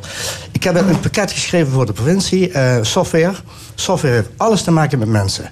Dat betekent dat wij dus training en opleiding geven aan personeel op het gebied van eh, hospitality, eh, verkoop is een keuze, hoe ziet die de vernieuwde klant eruit. We hebben training gegeven op social media. Wij, eh, ehm, wij doen relaties leggen met jeugd en ouderen. Ik heb een ketting om mijn centrum heen gegooid waarbij elke schakel belangrijk is. Hoe klein dan ook. En Met andere woorden, je moet er wat voor doen. Het, het succes Ja, komt je dat niet vanzelf veel aanwaaien. energie, dat gaat ook niet in En, en daarom tijd. loopt uw centrum daar een panning als Ja. een tierenlier. Er is weinig leegstand.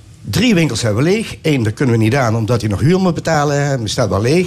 Daar is- iemand mee bezig. Dan hebben we er twee leeg. Op dit moment wordt de Rabobank herbouwd met appartementen erboven en een aantal winkels erom. Het is gewoon vraag. Ja, en gratis eh, parkeren? Gratis parkeren. Ja. Blauwe zone. Ja. Het is En, eh, detailhandel. Hè? Een detailhandel draait om de details. En het grappige is, je kunt niet één detail weglaten. Dat is precies Nee. wat Jan Nee. zegt. Alle details die tellen. Als jij, je, als jij zegt dat je open bent op je website, moet je open zijn. En niet zoals gisteren, kom en ik, ik zoek op omdat Koningsdag... Is die winkel open? Er staat notabene bij zaterdag Koningsdag... Openstellingstijden kunnen gewijzigd zijn. Ik klik daarop, bleef dezelfde boodschap. Ik ga er naartoe, want ik moest een cadeautje kopen. Gesloten. Dan zet je toch Koningsdag gesloten. Ja. De volgende keer ga je, ga je of weet je, ik kom thuis, ik kijk even op internet of ik iets kan vinden. En je hebt een, een negatieve ervaring. En vervolgens zeg je, hey, de internet is best makkelijk. Dat moet je voorkomen. Alles moet kloppen, elk detail. Ja. Ja. En er zit echt geen hogere wiskunde. Nee, dat, is- Dat dat is gewoon Dat zijn toch hele simpel. simpele dingen, zou je denken. de sigarendoos. Ja. Meneer Bouten, is daar in Panningen ook eh, horeca, eh, restaurants, cafés? Nou, wat, dat hebben, we hebben 135 bedrijven in het centrum, waarvan 100 retail. En de rest is kapper, eh, horeca, eh, banken en, en noem maar wat het overal zo is. Wat wij doen, eh, is verbindingen leggen. Dus we hebben nu die verbindingen gelegd met eh, de laatste jaren met eh, de mode, die dus zelfstandig met ons samen een mooi modefestijn maken. Daar koppelen wij de cars aan, fashion en cars, dat is voor de man en de vrouw. We hebben eh, horeca die ze bij elkaar gegooid heeft, die kopen Sunday Sound in. Die kopen een aantal bandjes in die van terras naar terras strijken. We hebben in de zomer hebben we een uniek product, de zomerinfo. Wat we dus op alle campings ne- ja, neerleggen. Waarbij wij als centrum 85% betalen.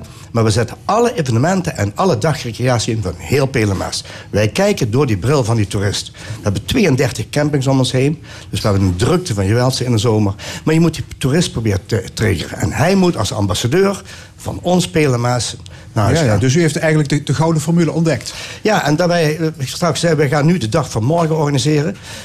ik heb eh, een paar weken geleden voor de klas gestaan van de bouw van Boyencollege. Die mensen laten we meedenken met nieuwe evenementen. Laten we meedenken met de uitstraling van het centrum. Laten we meedenken, wat missen jullie? En daarbij zijn we nu de dag van morgen organiseren. Waarbij we dus echt ons op de ouderen focussen. De dag van morgen. We worden allemaal ouder. Een keer gaan we stoppen met werken, hè, zoals u net zei. En wat gaat er dan gebeuren? Welke vrije tijdbesteding kan ik? Welke hobby's wil ik? Wat heb ik aan zorg nodig? En we hebben in Pelemaas zoveel te bieden. En wij gooien dat allemaal bij elkaar. In en om het centrum. Er wordt één grote dag met centraal de smaak van Pelemaas. Waar wij lokale producten laten zien en proeven. Met koks en noem maar op. Ja, meneer Wallace, wat vindt u van die aanpak? Ja, die is fantastisch. Ik heb eh, het genoegen gehad om eh, een van de, de trainingen die net genoemd werden te mogen geven voor ondernemers van, eh, van, van hun stad. Dus ze, ze- presenteren zich als een stad. En ik heb daar ook heel veel enthousiasme ervaren. Onderlinge samenwerking was enorm hoog. En dat is echt belangrijk, want het is niet in elke stad zo dat ondernemers goed samenwerken. Je moet elkaar, elkaar ook het, het gunnen dat de een meer winst maakt dan de ander, ook als je samen investeert. En dat werkt. Het werkt in hun geval echt heel goed. En er zijn meer steden die, die, die het goed doen. We kunnen ook allemaal met, met, met fantastische voorbeelden komen van de negen straatjes in Amsterdam. Maar dat is een beetje, een beetje uitgekoud inmiddels. Maar voor, ik, ik zie ook in, in mijn eigen stad Roermond... Er is een, een winkelstraatmanager gekomen... die ontzettend veel enthousiasme onder de ondernemers eh, teweeg brengt. En die langzaam maar zeker de ondernemers ook meekrijgt om meer dingen Dus als je samen het te goed aanpakt en goed samenwerkt, kun je heel, wat, heel wat bereiken. Maar toch zit dat middensegment eh, in de problemen, hè, meneer Kasper. Eh, ook de warenhuizen. Ehm V&D is weg. En met opvolger Hudson's Bay eh, gaat dat ook niet geweldig, hè? Nee, dat klopt. Eh, ik had er hoge verwachtingen van. Want ik vond het best een heel mooie en, en goede formule en zo. Eh, toch lukt dat blijkbaar Ja, ze hebben heel onvoldoende. veel luxe merken, dure, Ja, dure spullen. en- Wa- en Waarom slaat die formule prijzen. niet aan dan in Nederland? Ja, ik denk dat er dan toch te hoge prijzen in zitten. Dat is één. Twee, eh, wat je vooral ziet, is dat het eh, heel brede paden zijn. En vloeroppervlakte en omzet per vierkante meter is in de retail cruciaal. Nou, hier zijn veel te veel lege vierkante meters eigenlijk, waardoor het ook afstandelijk eh, wordt. En je dus, eh, wat, wat, wat, wat hier hoort ook van beleving, gezelligheid, hoe je het wilt noemen, daaraan ontbreekt. Ik denk dat een, eh, ondanks het feit dat er toch behoorlijk wat Nederlands management bij Hudson's Bay zit, inkopers van de Bijenkorf zijn er gaan werken, noem maar op, is het toch onvoldoende aangepast aan de Nederlandse marktsituatie. En daarin zie je dan iets terug, wat wat ik wel eens genoemd heb, de arrogantie van Amerikanen of Canadezen die denken van bij ons werkt het, dus ergens anders werkt het ook. En als het er niet werkt, dan moet het er wel werken, want wij vinden dat dat het beste is.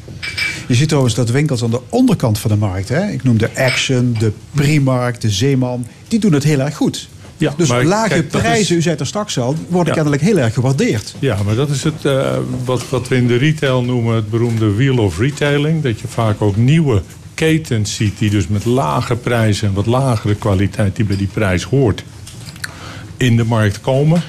En na verloop van tijd wordt er toch meer van kwaliteit en service gevraagd. En vindt er een stuk eh, trading up eh, en upgrading eh, plaats. En dan moet je maar zien dat je dat vasthoudt. Ja. Kijk, daar ligt weer in het verlengde een hele discussie van de producten die zij zo goedkoop aan kunnen bieden. Waar worden die gemaakt en onder welke omstandigheden en zo? China, eh, derde wereldlanden, Bangladesh. Ja, en Ja. zolang een consument dus vooral voor die lage prijzen gaat, wordt dat aangeboden. Nou, daar hebben we allerlei discussies over op het moment of dat nog wel zo wenselijk is. Ja. Dus misschien krijgen die het dan vanuit dat perspectief ook wel weer lastiger. Maar dan moet die consument dus het Ja, maar de veranderen. koopkracht staat al jarenlang onder druk. Hè. Het vrij besteedbare inkomen wordt er, niet, eh, wordt er niet groter op. Dus dan gaan mensen op zoek naar goedkope winkels, meneer Wolfs? Ik denk dat mensen nog steeds bereid zijn te betalen voor kwaliteit. Ja. Als, als iedereen alleen maar goedkoop wil, dan zou eh, alleen maar, ja, moet ik, ik oppassen dat ik niemand beledig omdat ik de verkeerde merken auto noem, maar dan zou iedereen alleen maar hele goedkope kleine auto's rondrijden. En toch is dat niet zo. Je ziet soms eh, eh, auto's die verhoudingsgewijs duurder zijn dan het huis waar de mensen in wonen. Net nagelang de waarde die je eraan hecht. Ik denk dat mensen gewoon waar voor hun geld willen. En als ik heel veel geld uitgeef, dan verwacht ik heel veel service. Als ik weinig geld uitgeef, dan verwacht ik gewoon wat minder service. Daar ga je mee akkoord. Je koopt bij de Lidl of bij de Albert Heijn. Alleen bij Lidl zie je tegenwoordig bijna net zoveel service als bij de Albert Heijn. En toch de prijs eh, blijft laag. Maar dit- dat is het afstemmen op die consument. En je moet dus zorgen, ja, die beleving, maar basis is denk ik dat je je service, je basisservice moet kloppen. Je moet doen wat je zegt. En dat is belangrijk. Nakomen, zorg dat je bereikbaar bent, je telefoonnummer beschikbaar stellen.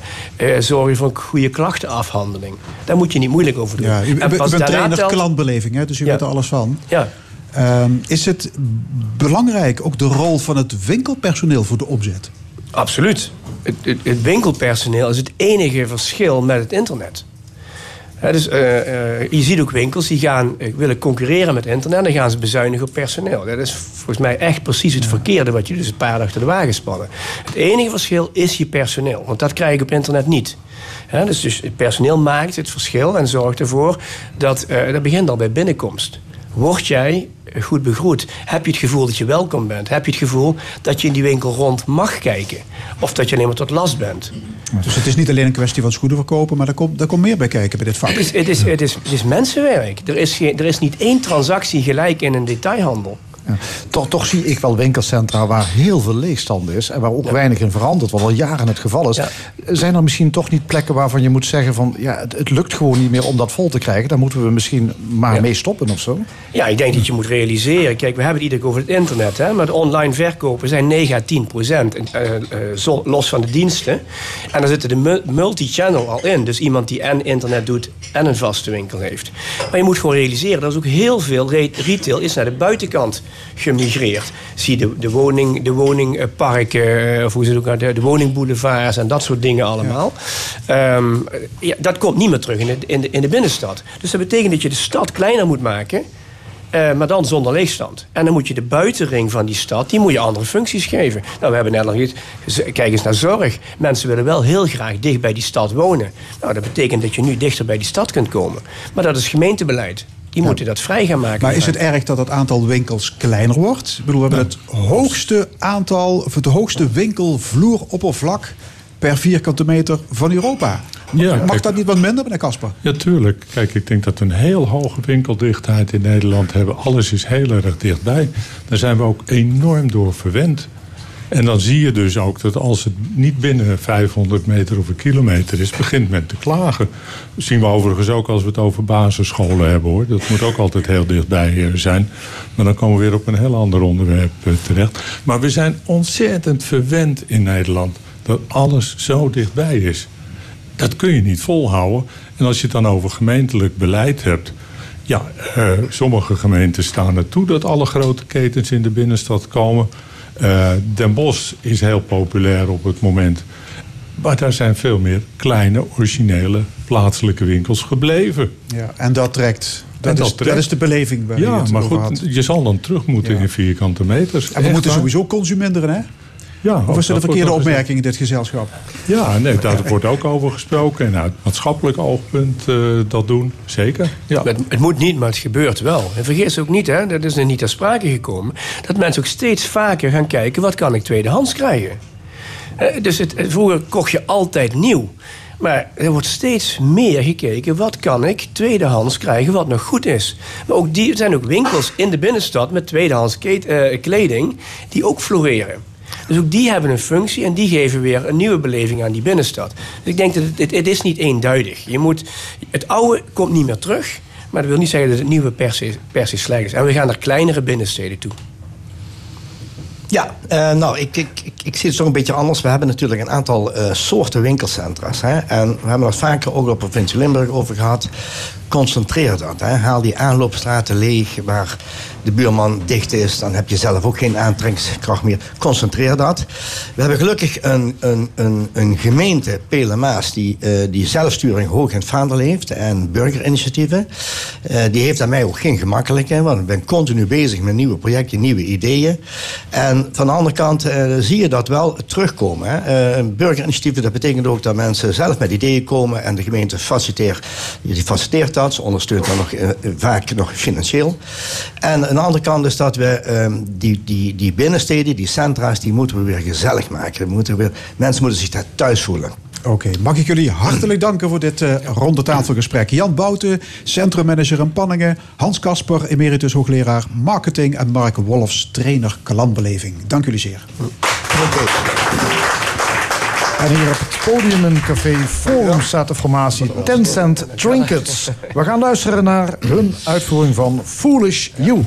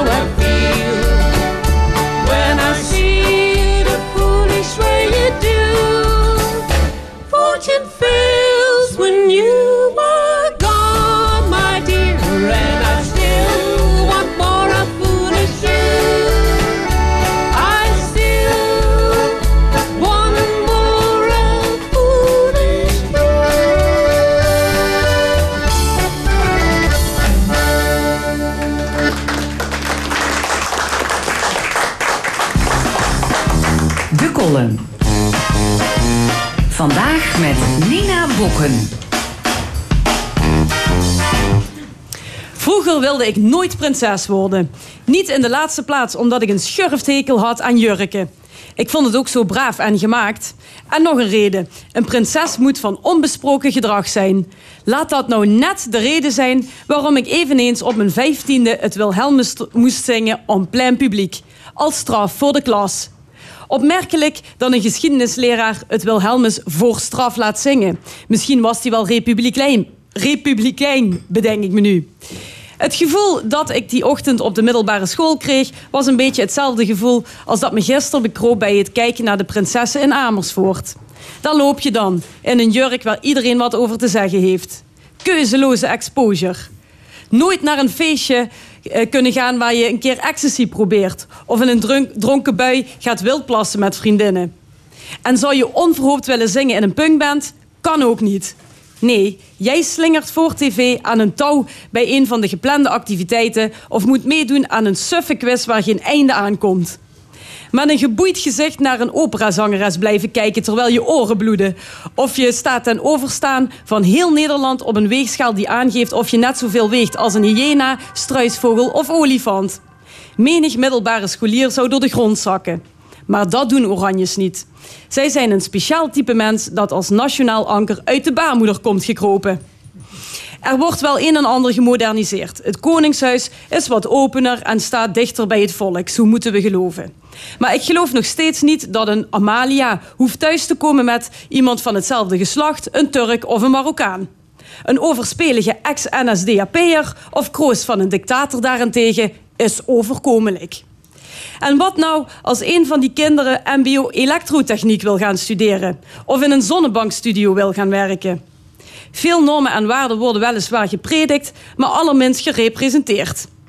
Amalia krijgt over twee jaar een startsalaris van anderhalf miljoen euro. Het Nederlandse Koningshuis is het duurste van Europa per hoofd van de bevolking. Toen de Spaanse koning Juan Carlos salaris inleverde vanwege de economische crisis in zijn land, was dat voor Beatrix geen reden om daar een voorbeeld aan te nemen. De koning van Hispanje heb ik altijd geëerd, kan dus geschrapt. Over alle koninklijke vermogens hoeft ook geen belasting te worden betaald, staat in de grondwet. Hoe het privévermogen van de Oranjes er precies uitziet, is niet inzichtelijk. De Rijksvoorlichtingsdienst bracht vorig jaar expliciet naar buiten dat de koning geen aandelen heeft in bedrijven met het predicaat koninklijk, zoals Shell. Toch blijft de aard van de betrekkingen tussen het Koningshuis en Shell onduidelijk volgens sommigen. Voor het predicaat koninklijk eh, moet een onderneming trouwens te goeder naam en faam bekend staan en van onbesproken gedrag zijn, volgens de website van de Oranje. Gek, Shell verwoest in het buitenland hele leefgebieden en speelt volgens Amnesty International een dubieuze rol bij geweld tegen burgers in Nigeria. Maar op Koningsdag spat de moraal ervan af. Er zijn geen plastic ballonnen en er mag heel nobel gedemonstreerd worden door milieuactivisten in de gracht. Papa, papa, ze hebben in ieder geval wel oranje zwemvesten aan, hoorde ik Alexia zeggen. En daar bleef het bij. Koekhappen, glimlachen en doorlopen met die hap. Ja, als ik zo'n leven moest leiden, moest je ook komen met een flinke smak geld. De column van Nina Bokken was dat. We zijn in de stemming toe aan ons laatste onderdeel, het discussiepanel. Ik heet van harte welkom José I, PvdA-gemeenteraadslid in Stijn... Roland van Vliet, voormalig onafhankelijk Tweede Kamerlid... en Gert-Jan Krabbedam, GroenLinks-wethouder in Maastricht. Ja, Henk Otte, de machtigste man achter de schermen bij Forum voor Demo- Democratie, is niet langer bestuurslid van zijn partij. Hij trad tussen aanhalingstekens vrijwillig op nadat voorman Thierry Boudet hem had beschuldigd van een greep in de kas. Ehm, hoe ernstig is dit voor Forum voor Democratie, José I? Nou, ik denk, ehm, nou, Henk Otte was de, een van de grondleggers, voornamelijk eh, vooral de strategische man achter Forum voor Democratie. Eh, het inhoudelijke eh, deel lag eigenlijk ook bij hem en ook de mediacampagne. Dus ik denk dat het voor Forum Demo voor Democratie toch wel een flinke klap zal zijn. Ja, flinke klap, maar daar blijft het bij? Nou ja, eh, daar blijft het bij. Ik denk dat het lang zal rommelen. En eh, mogelijk, het is veel sneller als destijds bij de LPF. En ehm, ja, de, hoe het nu in de toekomst zal gaan. eh, hoe, of Henk Otte nog in de, tweede, eh, in de Eerste Kamer zal gaan zitten. Dat zal heel moeilijk zijn. Kijk, ook al zou eh, iedere, alle FD-statenleden niet op hem stemmen... dan nog zou hij door een restzetel nog altijd in de Eerste Kamer komen. Want hij is lijsttrekker. En die restzetel gaat dan naar de lijsttrekker toe. Maar ik denk dat het wel een, een gebrouilleerde eh, situatie zou zijn... als de lijsttrekker van de Eerste Kamer... en de lijsttrekker in de Tweede Kamer niet door één deur kunnen. Ja. Ehm, ja, Forum voor Democratie, de, de vergelijking is al gemaakt. LPF-achtige toestanden. Eh, zou het daar op, eh, op aan kunnen komen, op neer kunnen komen? Roland van Vliet? Ik eh, deel die analyse totaal niet. Want de LPF is eigenlijk nooit serieus bezig geweest. Sinds de moord op eh, Fortuyn heeft die beweging nooit een echte kans gehad. Je zag dat heel snel eh, met ruzie uit elkaar spatten. Je ziet hier eh een meneer Otten... die bovenmatig veel aandacht krijgt, vind ik, in de media. Hier, wat mij opviel... Ik las in NRC van afgelopen zaterdag op pagina 7 onderaan... een klein berichtje. VVD zet senator uit fractie. Dat is een heel klein flutberichtje. En hoe maakte de VVD dat bekend? Per Twitter. Als deze nieuwe partij in opkomst, die bij de laatste verkiezingen de grootste werd, en mind you, de grootste, groter dan de VVD, in een opkomstfase her en der wat schrammen oploopt. Natuurlijk wordt dat uitvergroot als je de grootste wordt bij de verkiezingen. Maar het is wel weer typerend hoe dat dan in de media aan de ene kant wordt opgeklapt. En aan de andere kant, bij een gevestigde partij als de VVD, wordt geminimaliseerd eigenlijk. Dat is nogal wat als je een senator uit een zittende fractie kiepert. Ook nog eens wegens de zoveelste integriteitskwestie van iemand die bij die partij actief is. Dus met andere woorden, ik denk dat LPF-tafereelen niet aan orde zijn. Dat wordt deels opgeklopt omdat er weer verkiezingen aankomen. Het is campagnetijd.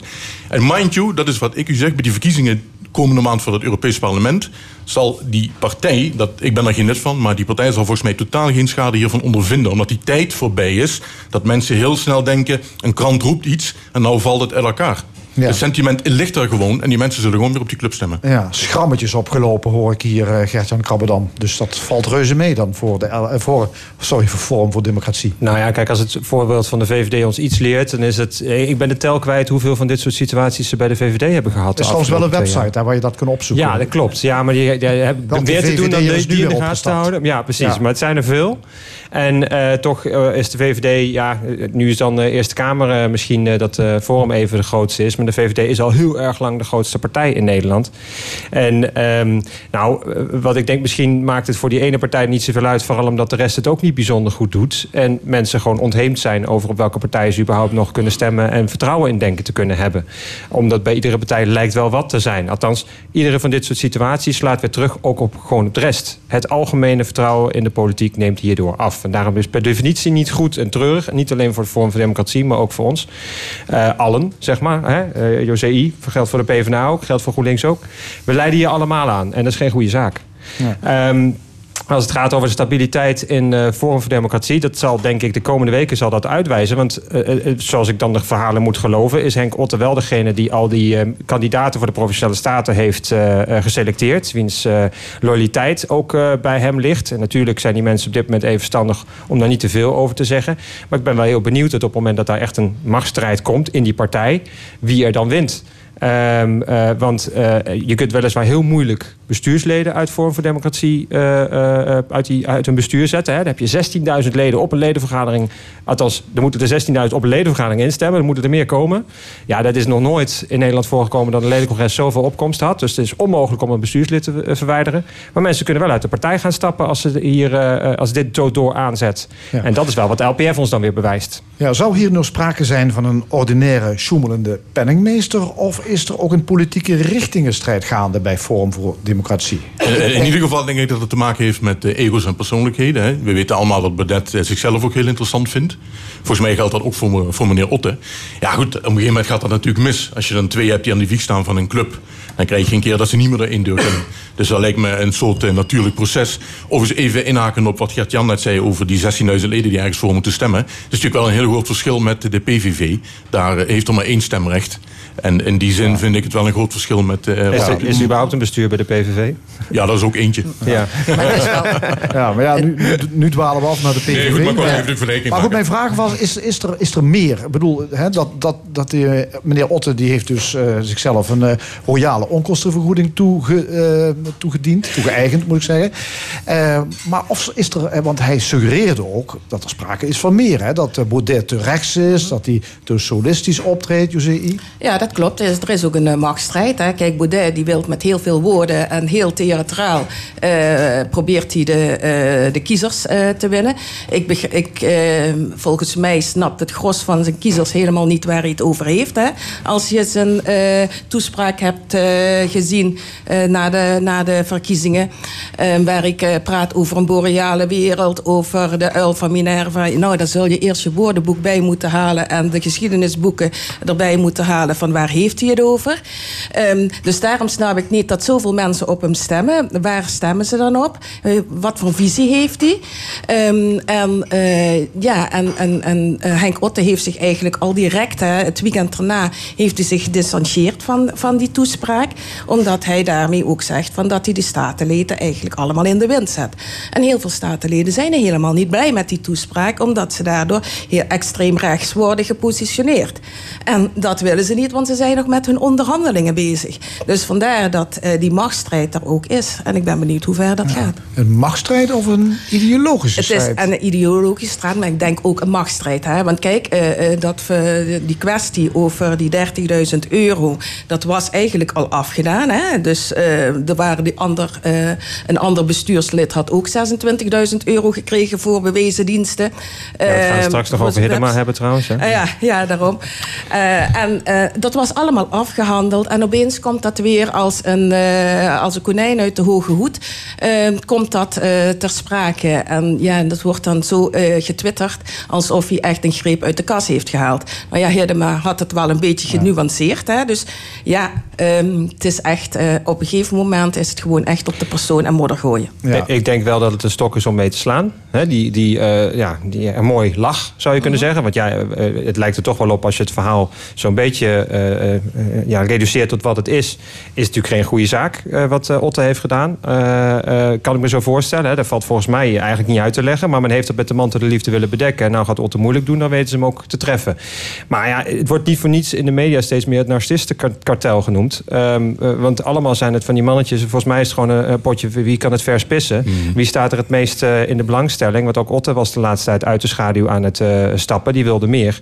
Ja, en dat is in dit geval dan gewoon afrekening. Ja, krijgen we niet een hele vreemde situatie als Otte dadelijk inderdaad in de Eerste Kamer eh, komt, en dat zal gebeuren. eh, en ja, de leider wordt van de Eerste Kamerfractie van Forum voor Democratie. Krijgen we dan, wat wordt dat voor een toestand? Nou, dat wordt interessant. Zou je kunnen zeggen voor de mensen die eh, smullen van eh, politiek eh, eh, eh, stampij en dergelijke. Eh, tegelijkertijd, eh, eh, in die zin ben ik als GroenLinks er niet direct ontevreden. Want het dwingt eh, de coalitie alleen maar nog, nog meer naar GroenLinks te kijken. Dankjewel.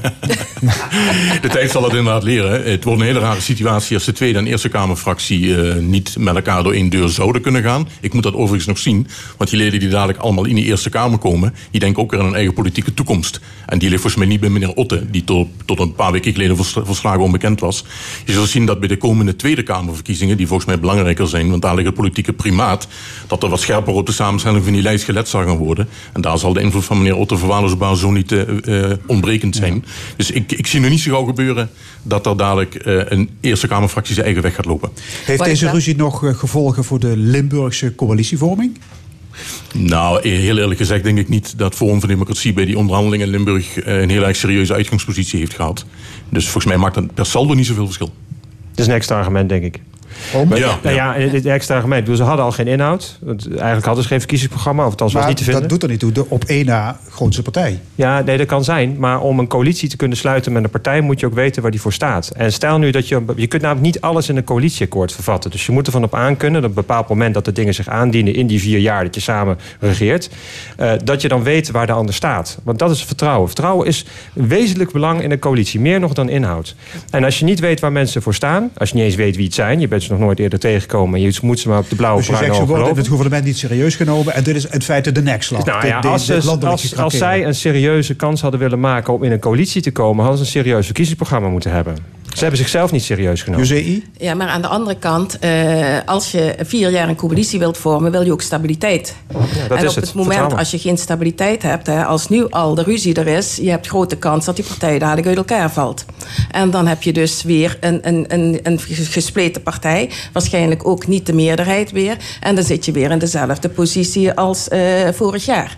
Dus eh, daar zal men ook wel heel erg aan denken. En wat ik ook nog heel erg denk is, voor, goh, hoeveel vrouwen zullen de volgende keer op de lijst voor democratie, eh, voor Democratie staan?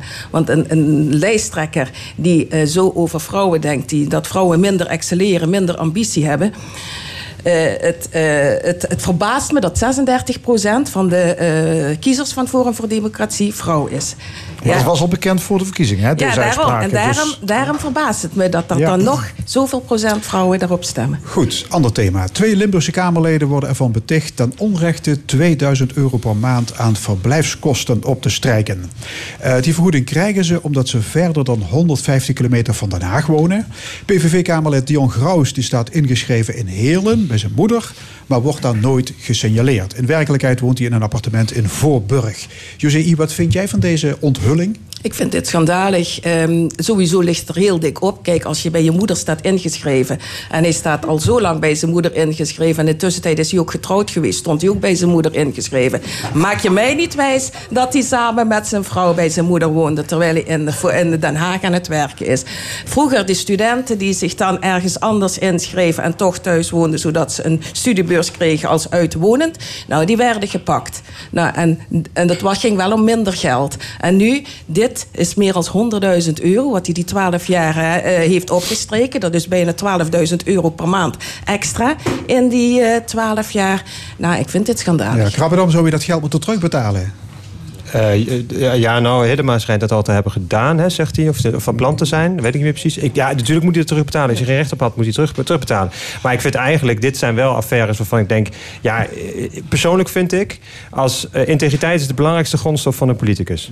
En als je op deze manier omgaat met dit soort regelingen... terwijl je zegt op te komen voor armere mensen... Dat je, hè, voor de mensen die het, die het moeilijk hebben in deze maatschappij... en je doet dan dit... ja, dan vind ik eigenlijk ben je de zetel niet waard. En dan hoor je gewoon echt op te stappen, vind ik. Als het, hè, laten we zo zeggen, hij houdt zelf nog vol dat hij echt bij zijn moeder woont. Eh, ik ben er niet bij geweest, dus kan ik moeilijk beoordelen. Maar ik vind het namelijk weinig geloofwaardig. Ja, ja Graus zelf die, die vindt het allemaal schandelijk. Hij beweert dat hij bijna ieder weekeinde naar Heerlen komt. En dat die tankbonnetjes kan overleggen. Nou, prima maar dat de dan. wilde die bonnetjes wel eens zien. Maar toen Ja. kwam Graus niet opdagen. Ah, nee, tuurlijk. Roland van Vliet, die kent er van de PVV-fractie. Wat, wat, denk, wat denk jij? Nou, eerst even een klein stukje relativering. Hè. We hebben het duurste koningshuis van Europa per hoofd van de bevolking. We hebben het goedkoopste parlement per hoofd van de bevolking. Dat wil ik even gezegd hebben. Wat hier echt schandalig is, wil- is dat wil- de Tweede Kamer... Wat wil je daarmee zeggen? Wat hier echt niet klopt, is dat de Tweede Kamer nog steeds geld weggeeft aan Kamerleden. zonder daar een controlesysteem aan te koppelen. Er zijn ongeveer, ik meen 32 huidige zittende Tweede Kamerleden. die die hoogste categorie vergoeding ontvangen. Er zijn een heleboel Kamerleden bij, die zie ik niet staan in NRC en in de Volkskrant. Die krijgen dat geld ook en die reizen op en neer. Die hebben helemaal geen pied à terre in Den Haag. Die zijn er dus ook. Die hebben ook geen recht op dat geld. Die zie ik niet terug op die lijstjes. Hè. Het gaat nu toevallig weer alleen over Graus en over Hiddema. Want die zijn toevallig van twee partijen die graag extra aandacht eh, verdienen. Van linkse kant als NRC en de. Ik blijf dat erg jammer vinden. Dat andere namen nu niet naar boven komen. Je zou al die Kamerleden op een rijtje moeten zetten. Die allemaal die hoogste categorie opstrijken. En dat niet kunnen waarmaken. En dadelijk wel een stuk verantwoordelijkheid bij de Tweede Kamer zelf. Dat geld moet je niet zomaar weggeven. Dat is belastinggeld. Nou, Roland, ik, ik ben het met je eens dat de, als er meer van dit soort mensen zijn in de Tweede Kamer, dat die ook in dat lijstje horen. Maar ik vind het een beetje ver gaan om te zeggen dat het heel convenient is dat het NRC en de Volkskrant als linkse kranten, zo links zie ik, zie ik die krant helemaal niet. Echt niet. Erg niet. Ja, niet zo, niet zo rechts als eh, Wakker Nederland, nee. En, eh, en, de, en, de, en de krant van Wakker Nederland. Maar ehm desniettemin links wil ik ze ook niet betitelen. En ik vind het voorkomen terecht dat Kamerleden die hier gebruik van maken, terwijl ze geen recht op hebben, dat dat ook bekendgemaakt wordt. En Maar er staan maar twee namen op die lijst. Ik vind dat erg vreemd. ja, nou ja, goed. eh, als er meer zijn, dan moeten die ook in dat lijstje. Maar toch eventjes naar Hiddema. Want Hiddema's verdediging is... Ja, ik wist het niet. Ik heb dat... Nee, en ik betaal het wel terug. Had ik er geen recht op? Oh, nou, dan ben ik te veel... Nou, dan betaal ik het wel terug, Ja, hoor. ik ben wakker geschud. Ik had geen benul. Dat zei die. Ja, dat, dat, vind ik, dat vind ik nou echt volkomen ongeloofwaardig. Een Kamerlid als hij aantreedt, volgens mij, dat kan Roland waarschijnlijk bevestigen... die krijgt uitgelegd door de griffie van de Kamer... waar die allemaal recht op heeft wat voor regelingen. Net zoals een gemeenteraadslid of een statenlid, die krijgt die uitleg ook. Dus als je een bepaalde regeling hebt die specifiek voor bepaalde mensen is... namelijk 150 kilometer, en hoe verder dat je weg woont... hoe hoger de vergoeding, dat wordt je gewoon uitgelegd, expliciet. Dus of als niet komen opdagen... En dan is het misschien nog wel veel erger. Want als hij het niet gemerkt heeft op zijn bankrekening. Nou, deze ridder voor, eh, voor de zwakkeren. Als die al niet merkt dat hij 30.000 euro extra op zijn rekening per jaar krijgt. Dan zegt het heel veel over zijn inkomen. En Ja. wat voor een elite hij dan is. Ik denk dat dat het laatste is. Dat het met dat inkomen niet heeft geweten van dat er een verschil was. Ja, dat Nee, je dat, erg, dat, ja. dat helemaal geld heeft om het terug te betalen, volgens mij Groos niet. Nee, maar Hiddema toucheert 2000 euro extra per Mhm. maand. En dat heb je niet in de gaten. Vind ik niet geloofwaardig. Nou, dat moet helemaal zelf dan maar verklaren als hij dat niet in de gaten heeft. Vind ik, Wij zelf ook, vind ik zelf ook echt heel erg merkwaardig. Ik vind overigens wel dat als hij het terugbetaalt, prima. Hè? Nou, dat betaalt hij terug. Je moet wel zien dat Gauws er nog terugbetaalt. Ik denk dat dat niet gaat. Ja, bij Graus gaat het om meer dan 100.000 euro. Maar Graus zegt van, ik, ik ben wel eh, heel vaak een heerlijk, maar mensen herkennen mij niet. Want ik loop in vermomming rond. Want ik word, ik word bedreigd. en in Den Haag wordt hij ook. waarschijnlijk, eh, in Den Haag hoeft hij niet in, als vermomming rond te Ja. lopen. Wordt hij daar niet bedreigd. Waarschijnlijk Ja. is hij in ridderkostuum verschenen. Ja. Zo, eh. De, de, de tijd is lang geleden dat ik, eh, dat ik ellenlange nachtelijke appjes en sms'en kreeg eh, van die jongen over alles wat eh, over deze wereld allemaal niet deugde. Die tijd is heel lang voorbij, dus eh, ik, ik, ik zou het niet weten. Ik heb hem wel al lang niet meer gezien. Maar hij roept al 12,5 jaar dat hij bedreigd wordt. Ja, Ja, en dat, ja. hij, eh, dat hij bescherming had. En dat hij op eh, plekken, eh, verblijven plekken was. om eh, geheime plekken. Nou ja, Nee, maar de- ik bedoel, of het klopt of je bent een, een nou, fantast. ze weten van Eén niks hoor. Degene die de beveiliging doet, weet van niks. Hij wordt helemaal niet eh, beveiligd. En eh, de- ik vind het dan wel heel raar. En in Den Haag kan hij wel in Voorburg in zijn appartement gaan zonder, eh, zonder camouflage. Ja, maar Ja. eigenlijk het heeft, het zijn twee, vind ik, los van elkaar staande dingen. Als hij bedreigd wordt, dan verdient hij bescherming en dan moet hij die ook krijgen. Eh, maar dat staat los van het feit of je gebruik kan maken van een regeling ongestraft waar je geen recht op hebt.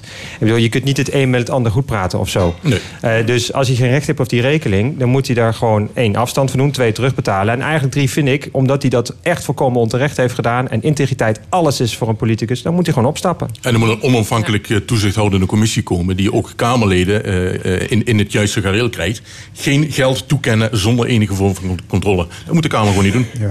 En, Maar het, zijn- het moeten sterke schouders zijn die de wilde kunnen dragen van heel veel geld en heel veel En dat vrijheid. geldt ook voor parlementariërs. Natuurlijk. Natuurlijk. Ja. Natuurlijk. Dus je zegt al die regelingen afschaffen, gewoon bonnetjes bewaren en die declareren. Dat zou een, een goed uitgangspunt kunnen zijn als het gaat om de categorie verblijfkosten. Ik kan me voorstellen dat je een pragmatische overwegingen voor beroepskosten, het aanschaffen van boeken en weet ik veel wat, dat je daar een vast bedrag voor toekent. Maar als het gaat om verblijfkosten, ja, dan moet je daar een soort staffel eh, die beter controleerbaar is voor verzinnen dan nu. Ja, en vind je het extra lullig dat nu twee Limburgse Kamerleden... eh, Nee, want ik verzeker u, er zijn 32 Kamerleden die dat maximale bedrag opstrijken. En er zijn er meer die dat niet verdienen. Ja, En dat zijn niet Limburgers. Moeten we één ding weer spreken. Het zijn in dit geval ook geen twee Limburgers. De ene is in Amsterdam en de andere is een voorburgenaar kennelijk. Ja, kennelijk, ja. En het is gewoon hyp- hypocriet. Hè. Eh, Dion Groot zegt dat hij klokkenluider is. Dus omdat hij heeft aangegeven dat er heel veel mensen hè, eh, eh, met het openbaar vervoer, dus met de OV-kaart, gratis OV-kaart, wel iedere keer op en neer reizen. Eh, dus geen, geen verblijfsplaats hebben in, voor in, in Den Haag. Eh, en hij, hij gaat dus ieder weekend naar zijn moeder. Dat, is de Nou, Henk, dat is de Henk Otto benadering. hè. Ja. Aanval Ja. is de beste verdediging. Ja, we zouden het hem heel graag zelf willen vragen, maar hij komt hier al jaren niet meer. Hij, hij wil niet eh, Dat is nou naar dit programma. Zou ik kunnen lachen. Ehm, iets anders. Het aantal baby's in Limburg is ook vorig jaar weer eh, gedaald. Er zijn vorig jaar 8.635 kinderen geboren in Limburg. En dat zijn er 186 minder dan het jaar ervoor. En dat is een daling, de snelle rekenaar had het al door, van 2% Is dat een goede of een slechte ontwikkeling, Josie? Ja, eh, als wij kijken ook naar de arbeidsmarkt, wat we dadelijk veel te, ja, te weinig mensen hebben voor, voor, eh, voor het werk wat hier is, is dat wel een slechte ontwikkeling. En als ik dan zie dat het gemiddelde aantal kinderen op dit moment nog maar 1,6 is, eh, is dat heel weinig. Kijk, ik heb drie kinderen, dus ik heb mijn steentje bijgedragen. Dus eh, als mijn kinderen ook nog eh, drie kinderen zouden krijgen, dan eh, dragen wij ons steentje bij. Maar ik vind het wel een, eh, een, eh, een eh, slechte ontwikkeling. Ik weet niet hoe, eh, waar het aan ligt. Ehm, natuurlijk eh, ligt het ook eraan dat iedereen ook langer door blijft studeren. Ehm, de huizenmarkt is ook, ja, dat, zegt, dat is ook eh, wat men denkt. dat de huizenprijzen erg hoog zijn. Dus men moet ook wel met z'n tweeën eh, eh, blijven werken. En, ehm, en men begint ook veel later aan kinderen. Kijk, toen, ja, het- ieder jaar wordt het wel steeds later. Maar kijk, in mijn tijd was het 30 jaar. Maar nu wordt het eigenlijk al bijna eh, boven de 35. Maar, Dat maar het is het niet weldadig wat minder mensen op deze aardkloot? Ehm, ja, nou in Nederland zijn het er te weinig. En maar in de derde wereld dan, dan zijn het er dan weer, die hebben zes, zeven kinderen. Ja, eh, het is gewoon een oneerlijke, onevenredige verdeling. Ja, maar ja, Hè? Limburg eh, is misschien, je zou kunnen zeggen, Limburg is al eh, behoorlijk vol. Misschien wel. Volgens mij hebben we niet te weinig mensen in Nederland. Hè. We zijn volgens mij met meer Nederlanders dan ooit. We zijn het dichtstbevolkte land van Europa per inwoners per Ja. vierkante kilometer. maar daarom de vraag, ja goed, het, het- trouwens in heel Nederland hè, loopt het eh, aantal, eh, een- een nieuw, aantal, aantal baby's wat per jaar eh, komt, eh, loopt af. Dus Ja, klopt. Slecht, goed. Nou, nou, nou ben ik zelf van 1982. Schijnt 83 echt een dieptepuntjaar te zijn geweest. Eh, dus je zou ook kunnen zeggen, het ligt aan de generatie van mijn ouders. Die hebben gewoon te weinig kinderen gekregen. Eh, hè, want het begint ergens. Ben je enigst kind dan? Nee, Oh. nee, nee, mijn ouders zelf niet. Ik ben, ik ben eh, de middelste van drie. Dus, ja, maar eh, zonder de schuldvraag bij de vorige generatie te leggen, is het een goede of slechte ontwikkeling. Het is allemaal de schuld van de babyboomers. Nee. nee, nee, maar ik wil zeggen, het is een, dit, is, dit is een ontwikkeling. Kijk, als er eh, in de jaren tachtig niet ook een dieptepunt was geweest... dan had je dus nu verhoudingsgewijs weer meer kinderen gehad. Hè?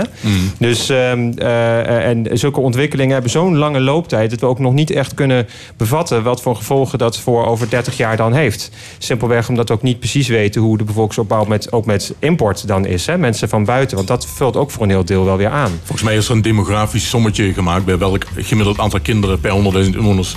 Dat je een ideaal demografisch model krijgt. Vroeger de middelbare school leerde je dat die omgekeerde piramide met verrijzing bovenin, die is uiteindelijk funest voor je maatschappij. Hè? Want dan moeten te weinig de lasten van de oudere generatie dragen, et cetera. We zullen zien hoe het uitpakt. Volgens mij is het koffiedik kijken. Zeker omdat immigratie en immigratie ook een rol spelen. Ja. Dit is de eindtune, dus ik neem aan dat we aan het einde zijn. Goed, hartelijk dank, discussiepanel. José I, Gert-Jan Krabbedam, Roland van Vliet. En dit was de stemming vandaag gemaakt door Edwin Maas, Frank Heijnen, Fons Geraas, Angel Zwas en Frank Ruber.